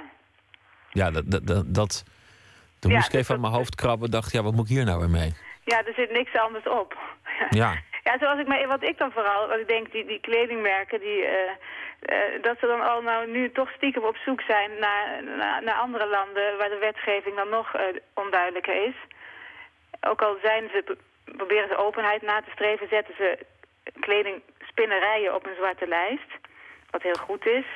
Maar tegelijkertijd zijn ze stiekem op zoek naar, eh, als er te veel rechten komen, naar, naar andere landen, lage loonlanden, om hun kleding te laten produceren. Of, het lijkt me allemaal heel onduidelijk. Ja, en dan is de makkelijkste oplossing dat iedereen wat meer voor zijn shirtje gaat betalen. Maar dan Ja. ben je er nog niet, want zelfs shirtjes van hele dure merken worden in lage loonlanden gemaakt soms. Ja, precies. En die worden dan alleen voor heel veel meer geld verkocht. Ja. ja, wat je zou moeten doen, staat er, is, is dat je... eh, ja, maar dat doe je niet. Iedere keer dat je, voordat je een kledingstuk koopt, moet je eh, vragen aan de ver- verkoper hoe het kledingstuk gefabriceerd is. Dat weet de verkoper natuurlijk niet. Eh, e-mail sturen naar de kledingmerken om hun productieproces te achterhalen. Dat, dat, doe, dat is natuurlijk veel werk en dat doen we allemaal niet. Nou het zou, het zou in zoverre helpen dat het druk uitoefent. Maar in de meeste kledingzaken, één, de muziek staat zo hard dat die verkoper al helemaal niet verstaat Ja, wat jij zegt. Dus jij zegt, is dit in Bangladesh gemaakt? En hij denkt, Ja. maar waar heb je het over? En je hoort op de achtergrond alleen maar die, die beat. welke katoenspinnerij is... eh, En het kan- vermoedelijke antwoord is, ja, weet ik veel. Ja, ja precies. Dus dat is heel moeilijk omdat, eh, nou ja, we kunnen iets meer, en de tip meer te betalen is natuurlijk goed. Maar eh, ja, dat, eh, veel mensen gaan toch ook voor een goedkoop kledingstuk als ze dat zien. Want het is al gemaakt en het ligt er al. Dat is heel vaak een, eh, nou ja, ingewikkeld. Nou ja, en dan zou je het ook met harde wetgeving kunnen doen, maar dat, dat, dat ligt ook weer ingewikkeld. Hè? Dus je kan wel zeggen van je mag iets gewoon niet op de markt brengen als het niet volgens bepaalde omstandigheden is gemaakt. Of het dan gaat om milieu of, of, of om, om, om rechten, om mensenrechten. Maar dat is gewoon lastig te controleren. En dat, dat levert dan ook weer extra gehossel op. En dat kost ook weer allemaal geld. Ja. Dus uiteindelijk kom je hoe dan ook op het geld uit. ja, daar kom je sowieso op uit. En daar draait het ook allemaal om. Nou, ingewikkeld. We zijn er niet uitgekomen. Dank voor je verhaal. Morgen weer een, eh, een verhaal. Ik wens je voor nu een hele goede nacht, Elke Ja, Geurts. dankjewel. Dankjewel. Joep Pelt verloor, eh, is een eh, Amsterdamse bluesmuzikant. En in eh, 2012 verloor hij zijn vrouw bij een eh, auto-ongeluk in Zuid-Afrika. Zelf overleefde hij te nauwernood. Een van de dingen die hem staande hield in de moeilijke periode daarna... was het schrijven van eh, muziek. En die nummers die heeft hij eh, verzameld op een album, Show Me The Way. En eh, van dat album is nu hier het nummer Let Go.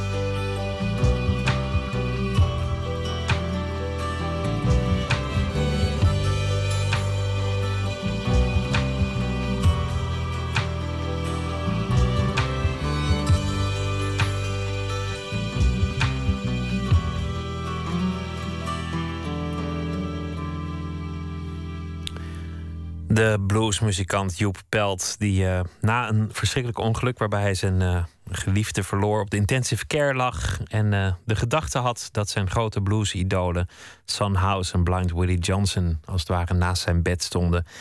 Daarover gaat het album Show Me the Way. Nooit meer slapen. Ja, het leek zo'n Amerikaans feest, maar het begint ook in eh, Nederland steeds meer in zwang te raken. Halloween, de avond voor Al Allerheiligen, begint ook hier eh, tegenwoordig alles te spoken. En nergens spookt het zo lekker als in de bioscoop. Het komend weekende kun je griezelen in 20 bioscopen door het hele land met de Halloween horrorfilm Marathon. Verslaggever Botte Jellema gaat op zoek naar de allerengste horror. All right. Let's not light a fire tonight.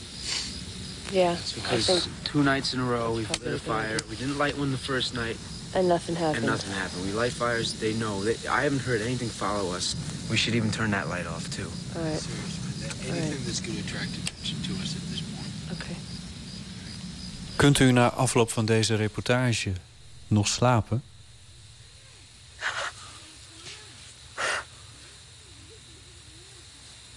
De engste film die ik nooit uit heb gekeken is The Blair Witch Project. Inmiddels 15 jaar oud.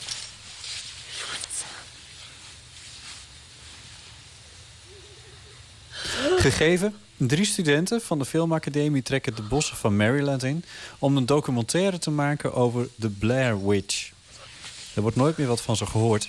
En na een jaar wordt hun filmmateriaal gevonden. En dat krijg je te zien.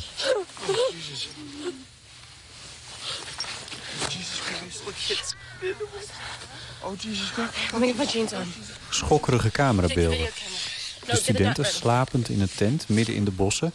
die ineens kinderstemmetjes horen. Geritsel in het donker.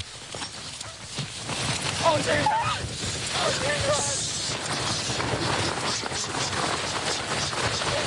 Geren, geheig, gegil. Go, fucking go!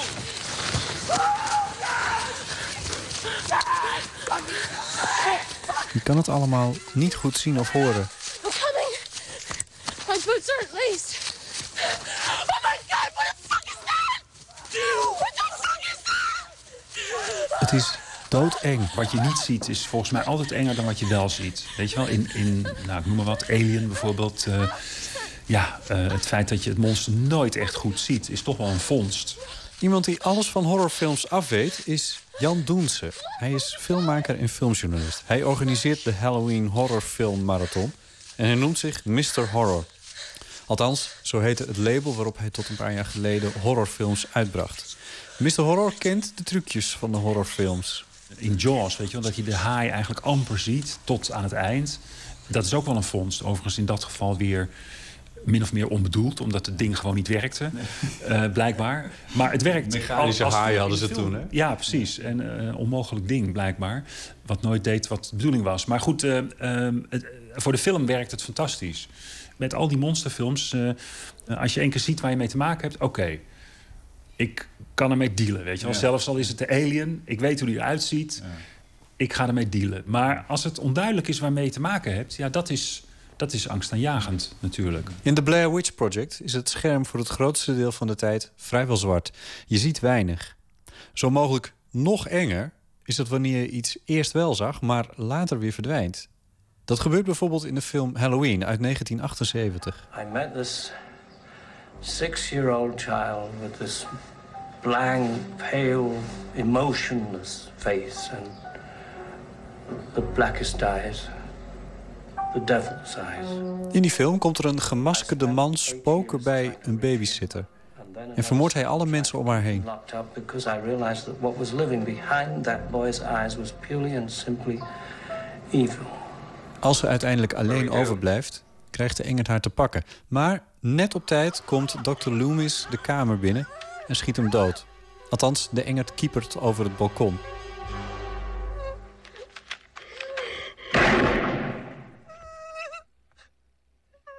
Volgens mij ligt hij er eerst wel en, en vervolgens is hij weg. En is dat niet gewoon het laatste shot? Inderdaad, daarmee eindigt de film zo ongeveer. Met iets dat we niet meer zien. We horen nog wel iemand zwaar door een masker ademen. Iets wat daarna in zoveel horrorfilms is gekopieerd dat het een cliché werd.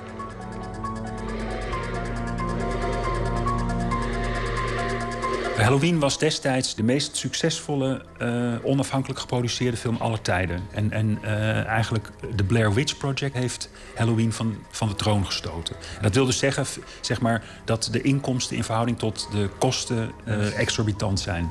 Een andere vorm van het niet kunnen zien en daardoor eng is de close-up. Sterk ingezoomd filmen. Ja, ik zat toevallig eh, nou ja, gisteren te kijken naar een making-of van The Silence of the Lambs... waarin ook heel erg ingegaan werd op het gebruik van close-ups. Blijkbaar maakt eh, nou, de producent of de editor zich enorme zorgen over het feit... dat hij iedere keer maar zag van ze zijn alleen maar close-ups aan het draaien. Dat gaat niet goed. Maar het werkt juist ontzettend goed, want je komt zo dichtbij. Tell me, Senator, did you nurse Catherine yourself? What? Did you breastfeed her? Now, wait a minute. Yes, I did. Toughened your nipples, didn't it? Oh, son of a bitch. O Heer, de avond is neergekomen. Uiteindelijk, zegt Jan, is er één overkoepelende angst... die we weerspiegeld zien in de horrorfilms. De grote angst van de mens. De dood. En bij de sterren staan.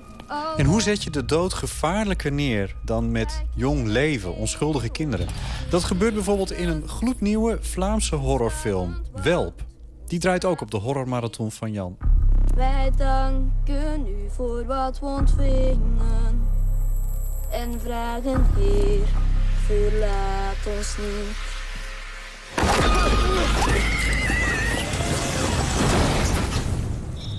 Nou, Welp is een bijzondere film. Want ik moet zeggen dat het lang geleden is dat ik eh, een horrorfilm zag waarin zulke jonge kinderen zo'n prominente rol spelen. En ik, Kan je uitleggen wat er gebeurt? Ja, heel simpel. Eh, een groep eh, welpen, dus pad, jonge padvinders, gaat de bossen van de Ardennen in eh, om een soort survival kamp of zo te doen. Met wat oudere begeleiders. Dat zijn eh, mensen van nou, eind, ja, rond de twintig zou ik maar zeggen. En in die bossen is het mis, is iets. eh, Ja, het, het, het, het, nou ja, goed. Blair Witch, Blair Witch. Ja, dat niet. Er wordt eigenlijk al meteen aan het begin wordt er gezegd van er, er zwerft daar een soort weerwolfjong rond. Maar goed, er is meer aan de hand. Dat ga ik niet verklappen verder. Eh, maar die, die kinderen worden best wel eh, op een gegeven moment blootgesteld aan serieuze horror. En, en dat heb ik lang niet gezien, moet ik zeggen. Dat is eh, natuurlijk ja, behoorlijk not done in deze tijd. En hoe werkt dat? Nou, bloederig. best wel bloederig, best wel extreem. Dus met, met eh, behoorlijk wat special effects. Het bloedvergieten gebeurt niet offscreen, zal ik maar zeggen. En daar zijn gewoon kleine kinderen bij betrokken. En natuurlijk zijn die allemaal verteld van... eh, is die allemaal verteld door de regisseur van... jongens, het is niet echt. En, eh, Hoe oud zijn ze ongeveer? Goh, nou, ik denk eh, misschien een jaar, ja, nog rond maximaal tien of zo. Jonger, ja. Ja.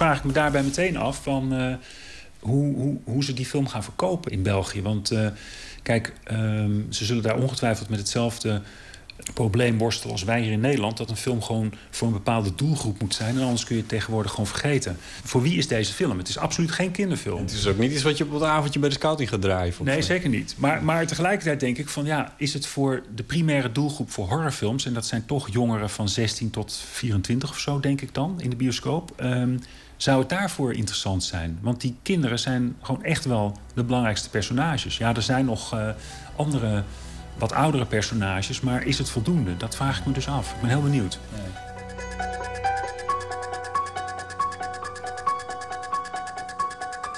Nee, het is, het is gewoon allemaal doodsangst, punt. Weet je wel, zo simpel is het. Maar dat kun je een beetje specificeren.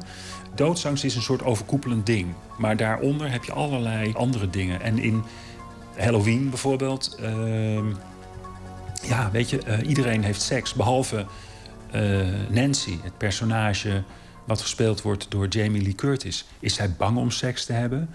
Is, is de boogeyman op de een of andere manier...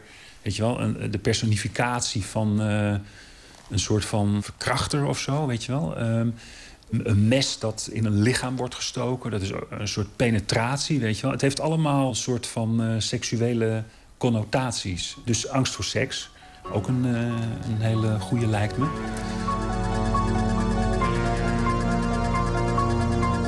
Is het hier ook eng, Halloween? Nou, is Halloween echt eng? Ik weet het niet. Nou, Halloween zoals wij het hier nu steeds meer eh, tegenkomen... is natuurlijk gewoon weer de Coca-Cola-versie van Allerzielen. Want ja, weet je, het is even door de molen gegaan in Amerika. En dan Zoals we dat met kerst ook hebben gedaan. Exact, ja. Ehm, nee, ik merk het ook op, op mijn Halloween Horror Show. Daar komt een heel ander publiek dan ja, op mijn jaarlijkse horrornacht... tijdens het Imagine Film Festival.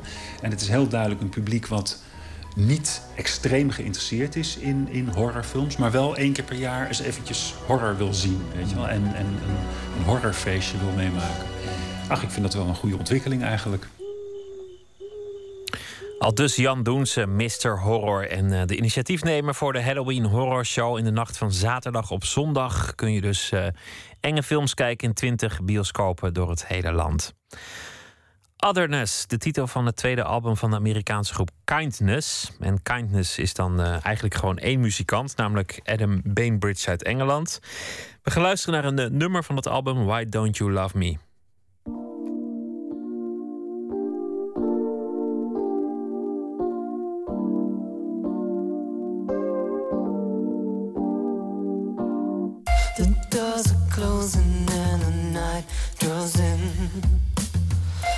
Couldn't speak to you and you're leaving. Why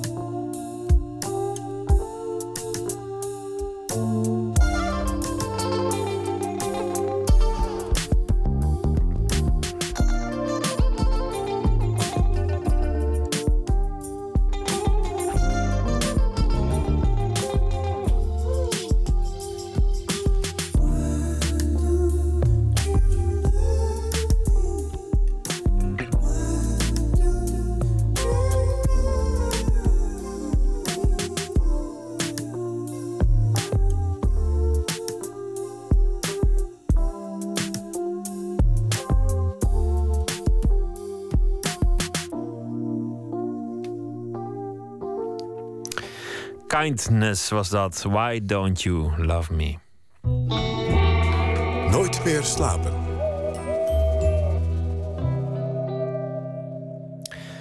Grote onrust in de Vlaamse uitgeverswereld. Uitgeverij De Bezige Bij Antwerpen stopt als apart uitgeeffonds, meldde de Standaard vanochtend.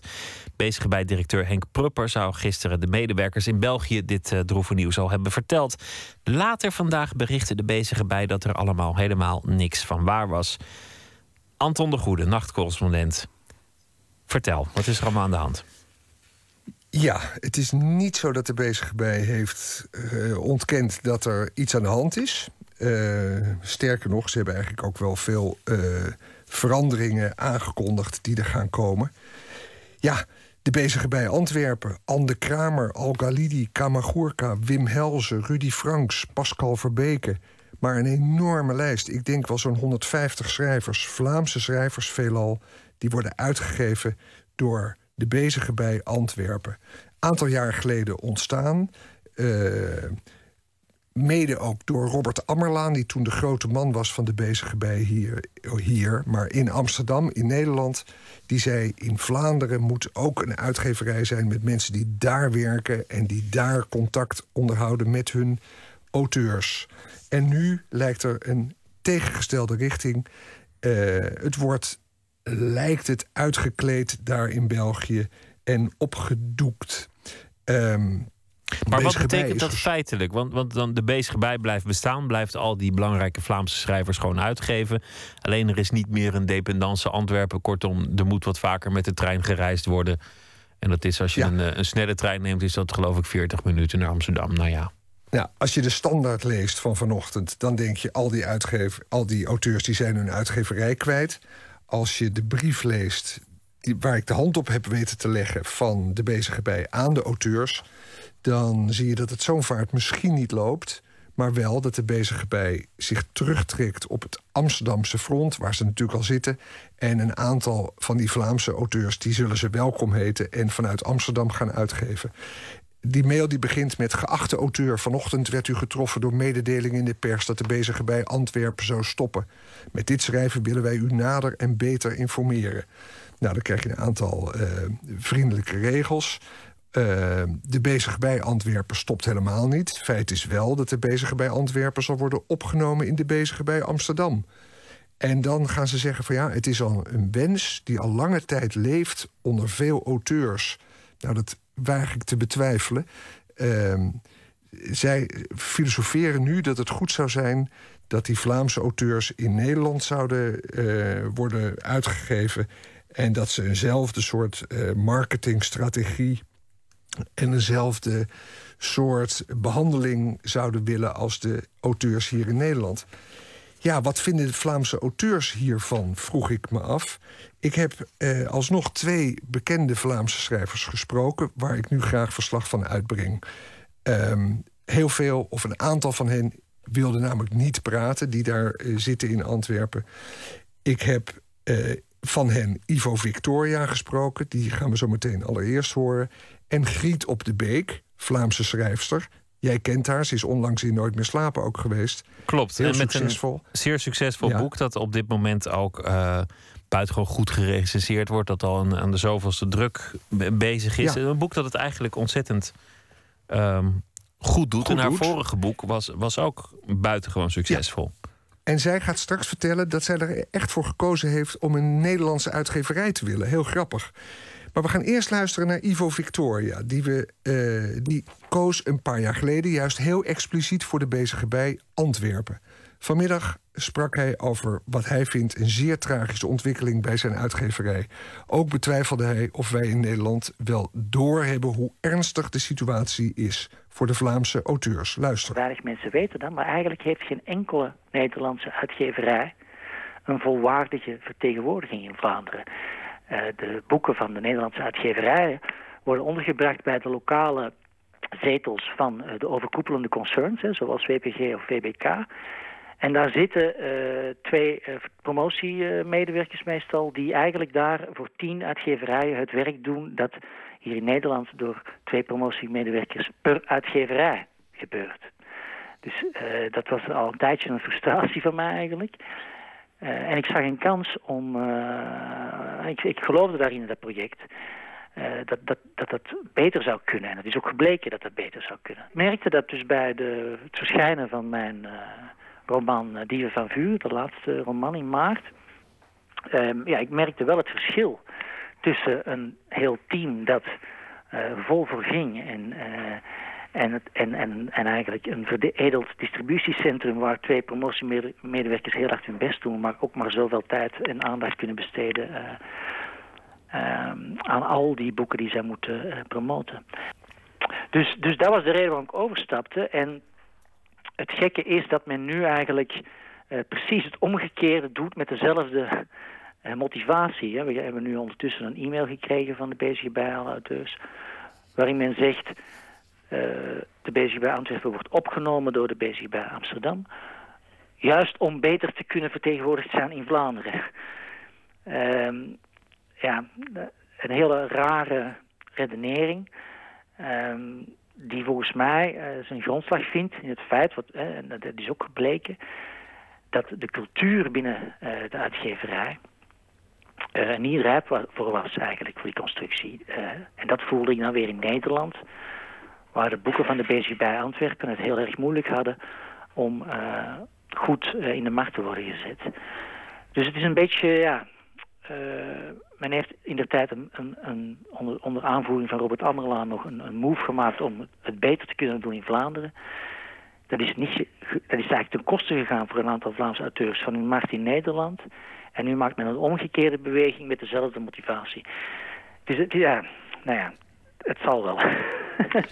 Ik vind het een hele rare eh, move. Ja, al dus Ivo Victoria, de schrijver, die er niet zoveel van begrijpt van dat beleid van de bezige bij. En ik met hem evenmin. Eh, het heeft er alle schijn van toch dat er enorm bezuinigd moet worden. En dat ze nu deze eh, enorme kaalslag verdedigen onder het mom van dat het beter is. Laten we luisteren nu naar iets anders, naar Griet op de Beek. Zoals net besproken, dat boek Kom hier dat ik u kus, enorme bestseller in Nederland. Zij is ook een Vlaamse schrijfster. Zij zit niet bij dat bezige bij Antwerpen, maar koos bewust voor een Nederlandse uitgeverij. De uitgeverij Prometheus, die zetelt in Amsterdam.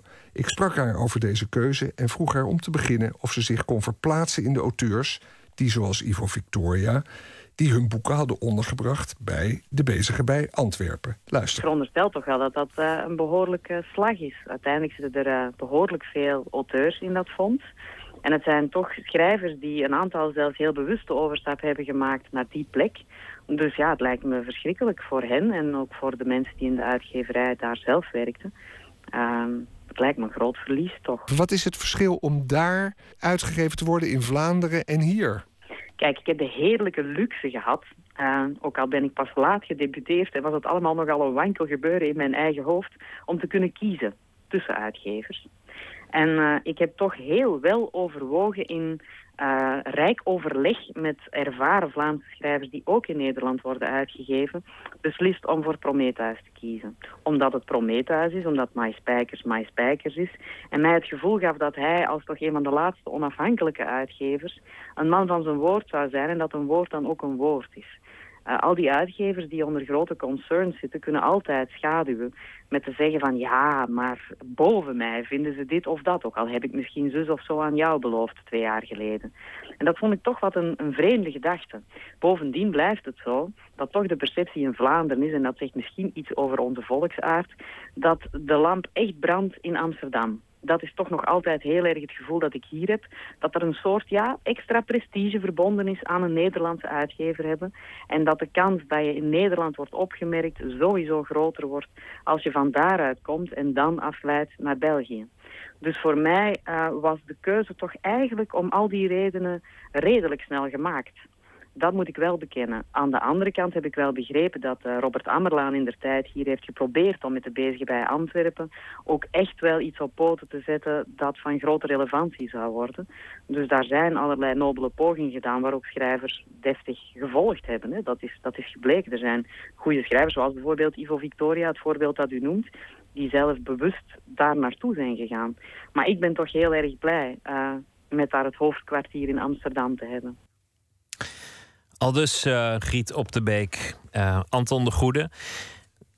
Nou ja, het is duidelijk eh, de kwestie over eh, de bezige bij Antwerpen. Nou had je het eh, afgelopen maandag in deze rubriek over de vertaling van Thomas Mann. Jij was verontwaardigd, want die kreeg te weinig aandacht. En dan de boekenchef van de Volkskrant, in plaats van er een mooie lijvige recensie van te, te maken, die, die zegt ik eh, laat het cellophane liever omheen, want ik vind het zo'n dik boek. En eh, die schreef een Wat flauwe een beetje badinerende column, ja, inderdaad. Ja. Arjan Peters, ja. Nou, het goede nieuws is, eh, het boek is toch toe aan een derde druk. Ja, aan een derde druk, hè? Voor deze Ja. nieuwe vertaling. 1300, Voor 1300 bladzijden. nou, dat is heel wat drukwerk. Maar dat, dat wil ook zeggen dat het, dat het toch niet voor Dat niks is geweest. Dat, voor is. dat megaproject. Ja. Dus Zal je- dat, je dan- blij zo maken. eindigen we met goed nieuws. is ook wel eens leuk. Anton, dankjewel. Goeienacht. Graag eh, tot snel. Dag, Pieter. Vrijdag 31 oktober speelt de Engelse muzikant Fink in Nederland. In eh, Maastricht in de muziekgieterij. Daarna eh, speelt hij ook nog eh, in Paradiso in Amsterdam. 22, 23, 24 november. Goed excuus dus om een liedje van hem te draaien. Yesterday was hard on all of us.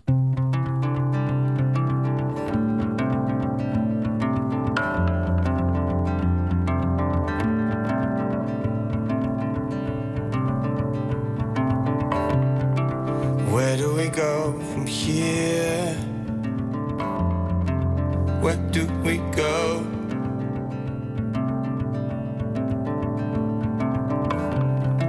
And is it real or just something we think we know?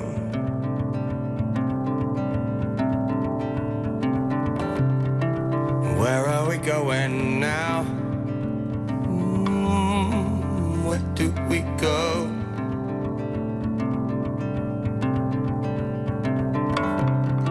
Cause if it's the same as yesterday, you know I'm out. Just so you know.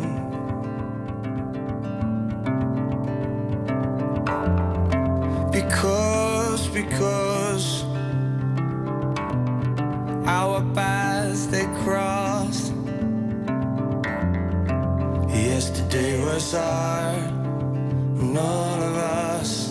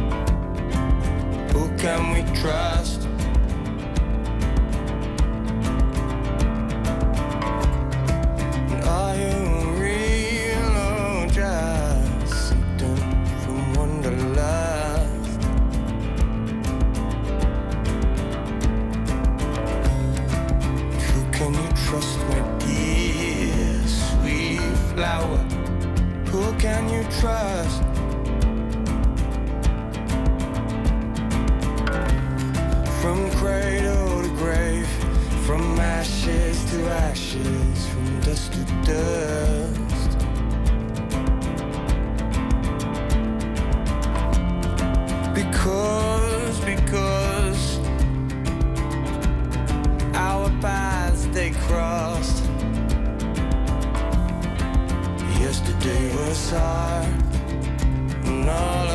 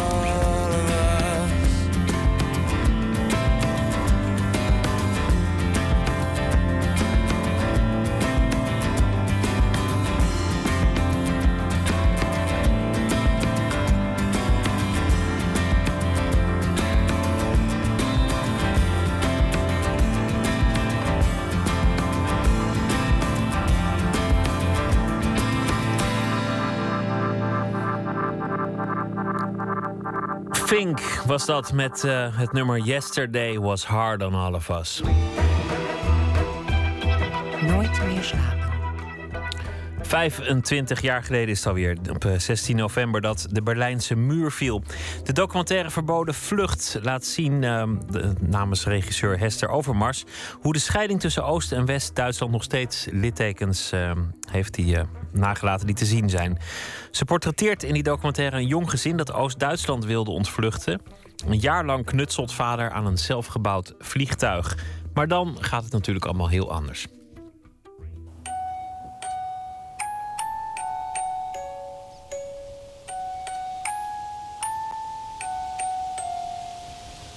Meen in juni 1983 zouden ze een proefvlucht gaan maken. Maar het plan was om gelijk na die proefvlucht ook, als het allemaal zou werken, om dan naar de grens te rijden en daar eh, op te stijgen. Maar nog voor de proefvlucht gaat het mis. Er komen achterdochtige pottenkijkers langs. Een schaapsherder waarschuwt dat als ze opstijgen, ze waarschijnlijk uit de lucht worden geschoten. Het gezin, met twee kleine kinderen, maakt rechtsomkeer. Eh, eigenlijk diezelfde avond nog eh, zijn ze waarschijnlijk de hele nacht in de gaten gehouden door de Stasi. En toen zijn ze de volgende dag zijn ze opgepakt. Hun zoontje gaat naar school. Moeder brengt dochter nog naar de kleuterschool. En daarna verdwijnen vader en moeder in de gevangenis. In de documentaire Verboden Vlucht kijken de leden van dit gezin terug op die geschiedenis die nog steeds bepalend is voor hun leven. Hoe kwam jij bij dit verhaal? Nou ja, dat is wel apart. Ik woon in Rotterdam. En daar kwam ik eh, iemand tegen, eh, vijf jaar jonger dan ik, ongeveer. Een, eh, een man. En die was eh, nog niet zo heel lang daarvoor afgestudeerd aan de Sint-Joost. En die, eh, die had een boek gemaakt over deze vluchtpoging. En eh, dat was de zoon van die mensen. En nou ja, die mensen kende ik toen nog niet. Maar dat, ik, ik, ik las dat boek, of ik keek naar dat boek. Het was meer een fotoboek dan een tekstboek. Nou ja, toen zijn we eigenlijk aan de praat geraakt. En toen heb ik... hij was ook wel op zoek naar iemand die er, die er een film over wilde maken. En, dus, en dat klikte wel. En toen ben ik eigenlijk via hem verder gegaan met dat onderwerp. En heb ik zijn ouders en zijn zus leren kennen... die nog allemaal in Duitsland wonen. Wat zag jij in het verhaal? Wat vond je er zo mooi aan? Wat me vooral heel erg intrigeerde was dat eh, de mogelijkheid om over zoiets een film te maken... waarin dus veel verder wordt gegaan dan alleen maar de vlucht en het mis of het lukken ervan. Dus ik was eigenlijk ik was vooral geïntrigeerd doordat het de zoon was die ik tegenkwam... die ook allemaal eigen gedachten had over, over dat vluchtplan van zijn ouders. Terwijl ik kende natuurlijk al die verhalen zoals iedereen die kent... met luchtballonnen, met, eh, met van alles, met tunnels en zo... Eh, die worden altijd nogal heroïs eh, opgevoerd. En dat vond ik natuurlijk zelf ook. Dat vind je altijd helden, mensen die dat proberen. En nu kwam ik eigenlijk voor het eerst achter... wat voor ja, persoonlijke drama's daar eigenlijk achter schuil gaan. En eh, heb ik dit ook eigenlijk aangegrepen... om juist meer te laten zien van dat persoonlijke drama... in plaats van alleen het jongensboekavontuur. Äh, meine Schwester war nicht bei mir. Meine Eltern waren nicht bei mir und ich war bei meinen Großeltern ähm, in, in, einer, in einer ganz anderen Situation.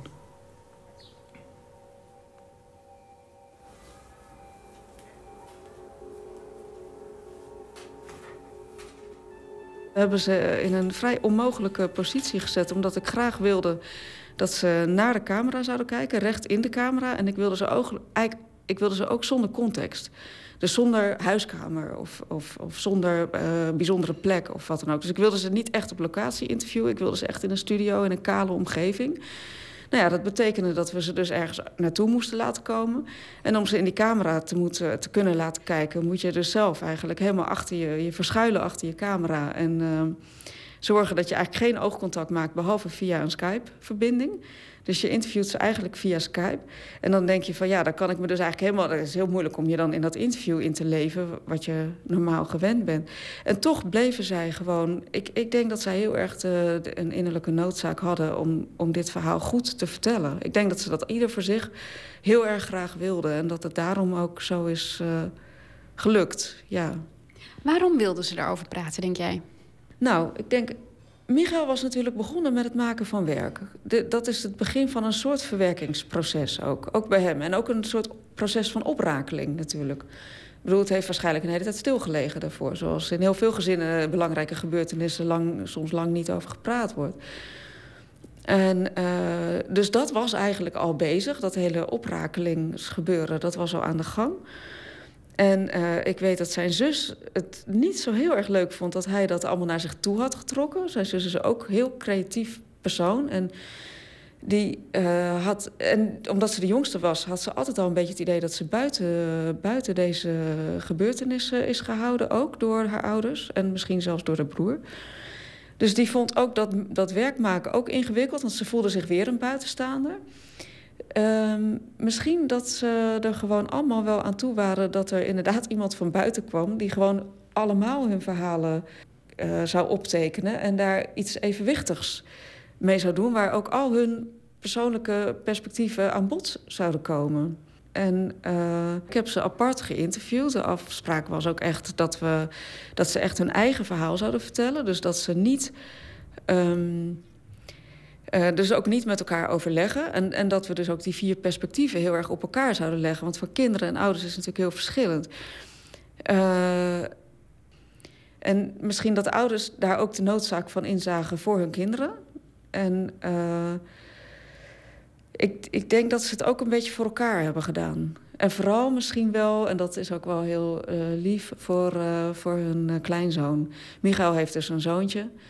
En ik denk ook dat, dat, dat eigenlijk iedereen, zowel dus uh, de tante, hè, dus de, wat toen de jongste dochter was, maar zij is nu ook tante, uh, als de opa en oma wel graag hun familiegeschiedenis aan hem willen doorgeven. Heute gehen wir in die Schule, lernen gern und lernen gut,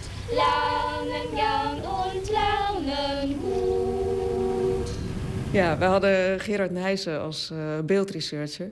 En die heeft echt een uh, fantastische job gedaan. Die had uh, vanuit zijn persoonlijke achtergrond veel binding met, met het onderwerp. Ik geloof dat hij ook in een heel, heel ver verleden... Zelfs een schijnhuwelijk was aangegaan met een DDR-burgeres. En om haar dus te helpen om het land uit te komen. Dus hij, hij, had, veel, hij had er veel mee. En, die, en, en hij heeft zich ja, daar ook heel erg voor ingezet, tot mijn grote geluk. Ja, zeker. Ja, maar tot, tot mijn grote verbazing, je hebt, als je het over een bus hebt, zie je een bus. Maar zelfs als je het bijvoorbeeld over het vliegtuig hebt... en hoe ze het vliegtuig transporteren van A naar B... vliegtuig met oranje vleugels... en dat ziet er dan uit als een soort tent... dan zie je daadwerkelijk een auto met een soort oranje tent op het dak. Dat is toch bijna onmogelijk. Ja, leuk dat je dat hebt gezien, ja. Ja, dat, uh, dat, uh, dat, uh, daar was ik ook altijd heel blij mee. Ik denk ook wel, we hebben wel echt communicatie gehad. We hebben ook bij deze film van tevoren bedacht... van ja, het zou toch leuk zijn als je echt bij ieder archiefbeeld het idee hebt... dat zij het zouden kunnen zijn. Dus laten we het gewoon niet te vrijblijvend gaan doen... En uh, nou ja, ik denk ook dat. Dus, dus ik heb ook wel echt bestellingen geplaatst. Soms waren er ook van die boodschappenlijstjes dat je denkt van, nou ja, dit is natuurlijk eigenlijk onmogelijk, maar ik zet het er toch maar op. En dan kwam hij er toch mee. Dan vond hij het toch. Dat is, uh, dat is heel bijzonder. Ja. Wat is jouw mooiste vondst? Of zijn mooiste vondst? Uh, ik vond die, die trabant met, die, met dat oranje pakket erop vond ik wel fantastisch. Ja, ik was zelf ook erg uh, gecharmeerd van die beelden van dat kleine meisje met dat rode jasje. In, uh, nou, het lijkt net Schindler's List als ik het zo zeg. Maar, maar toch, het was ook een klein meisje in een rood jasje die met haar tantes dan door zo'n Oost-Duitse stad loopt. Wat, uh, wat heel erg weergaf hoe, hoe de jongste dochter het had. In, terwijl ze ondergebracht was bij familie. Dat, dat is wel de eerste die nu in me opkomt. Dat is ook een van mijn lievelingsbeelden. Smijzen! Oké. Okay. Super! Genau. Hebben ze hem zelf al gezien? Ja, zeker. Zeker hebben ze hem gezien. Ja, ik heb hem ook... En dat, dat was best een eng proces ook. Ik heb hem ook uh, tijdens de edit uh, twee keer aan ze een half fabrikaat aan allemaal laten zien. En uh, dat is altijd spannend, want dat is niet af. En dan zie je er ook nog niet, je bent ook nog niet gekleurcorrigeerd. Dus dat, dat, dat zit op allerlei manieren, is dat, is dat ergens wel ingewikkeld. Maar ik wilde ze toch dat vertrouwen geven. En ik vond ook wel dat ze dat hadden verdiend... na, alle, uh, na alles wat ze hadden doorstaan in die interviews ook. En um, ja, dus ze hebben, ze hebben ook tussendoor gekeken... en daar hebben ze ook commentaar op gegeven. Maar ook echt fantastisch. Echt nooit op een manier dat het... Uh, dat het voor mij echt te moeilijk werd, bijvoorbeeld. Want ik vind dus het, het, films laten zien aan, aan mensen over wie het gaat... vind ik zelf het engste wat er is. Dus het is altijd heel ja, dat is altijd heel spannend. Maar ze gingen daar echt uh, ja, ze gingen er goed mee om. Dus ik, ik, wist een beetje waar ze moeite mee hadden en wat ze wel goed vonden. En ze zijn ook naar de première gekomen in uh, Lantaren was dat in Rotterdam. En ze zijn toch ook allemaal gekomen. En, en, en uiteindelijk vonden ze het toch ook goed. En was het, ze zeiden de hele tijd het, dat het roend, roend was het. Dus ja, het had hun toch ook. Ja, het heeft hun toch ook wel geholpen, is mijn indruk.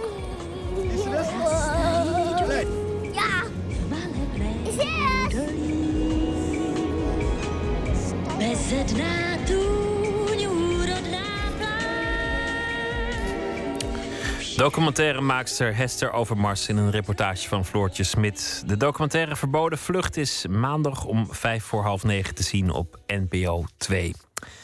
Lauren Hill was een grote sensatie in eh, de jaren 90 en daarna. Rapte ooit bij de Fugees. Daarna had ze uh, hits en beroemde albums zoals The Miseducation of Lauren Hill. Maar het is alweer een tijdje stil. De laatste berichten zijn dat ze in de gevangenis zou zitten vanwege belastingsschulden. Maar er is ook een nieuw contract met Sony, dus dat zou nou ja, toch iets moeten helpen. We zijn er in ieder geval niet vergeten. Hier is uh, Lauren Hill met I Remember. I remember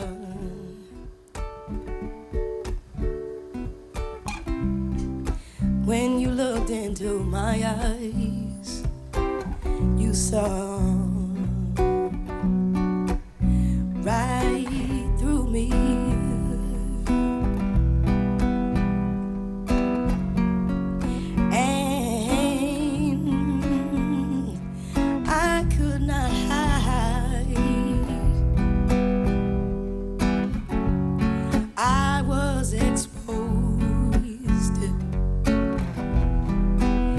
just like a child. All of my heart, you hold it in your hands. I'm yours to command. I'm yours to command.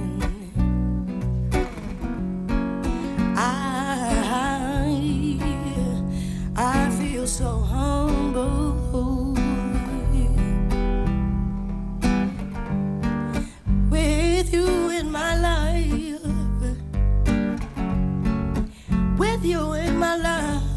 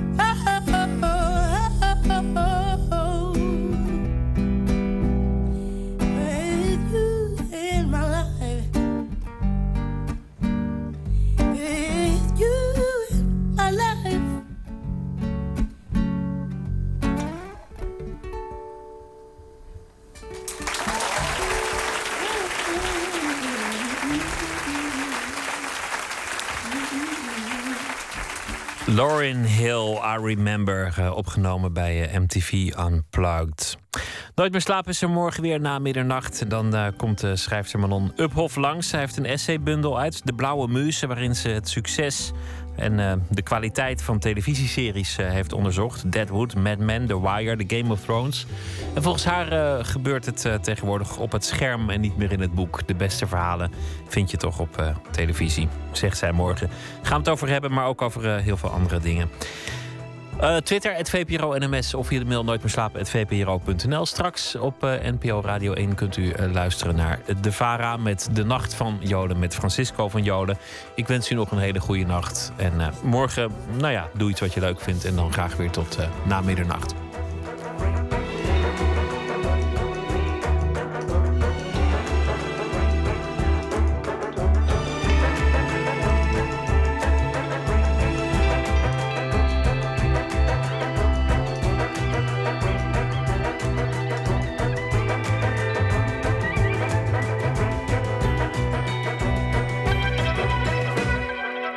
Radio 1, het nieuws van alle kanten.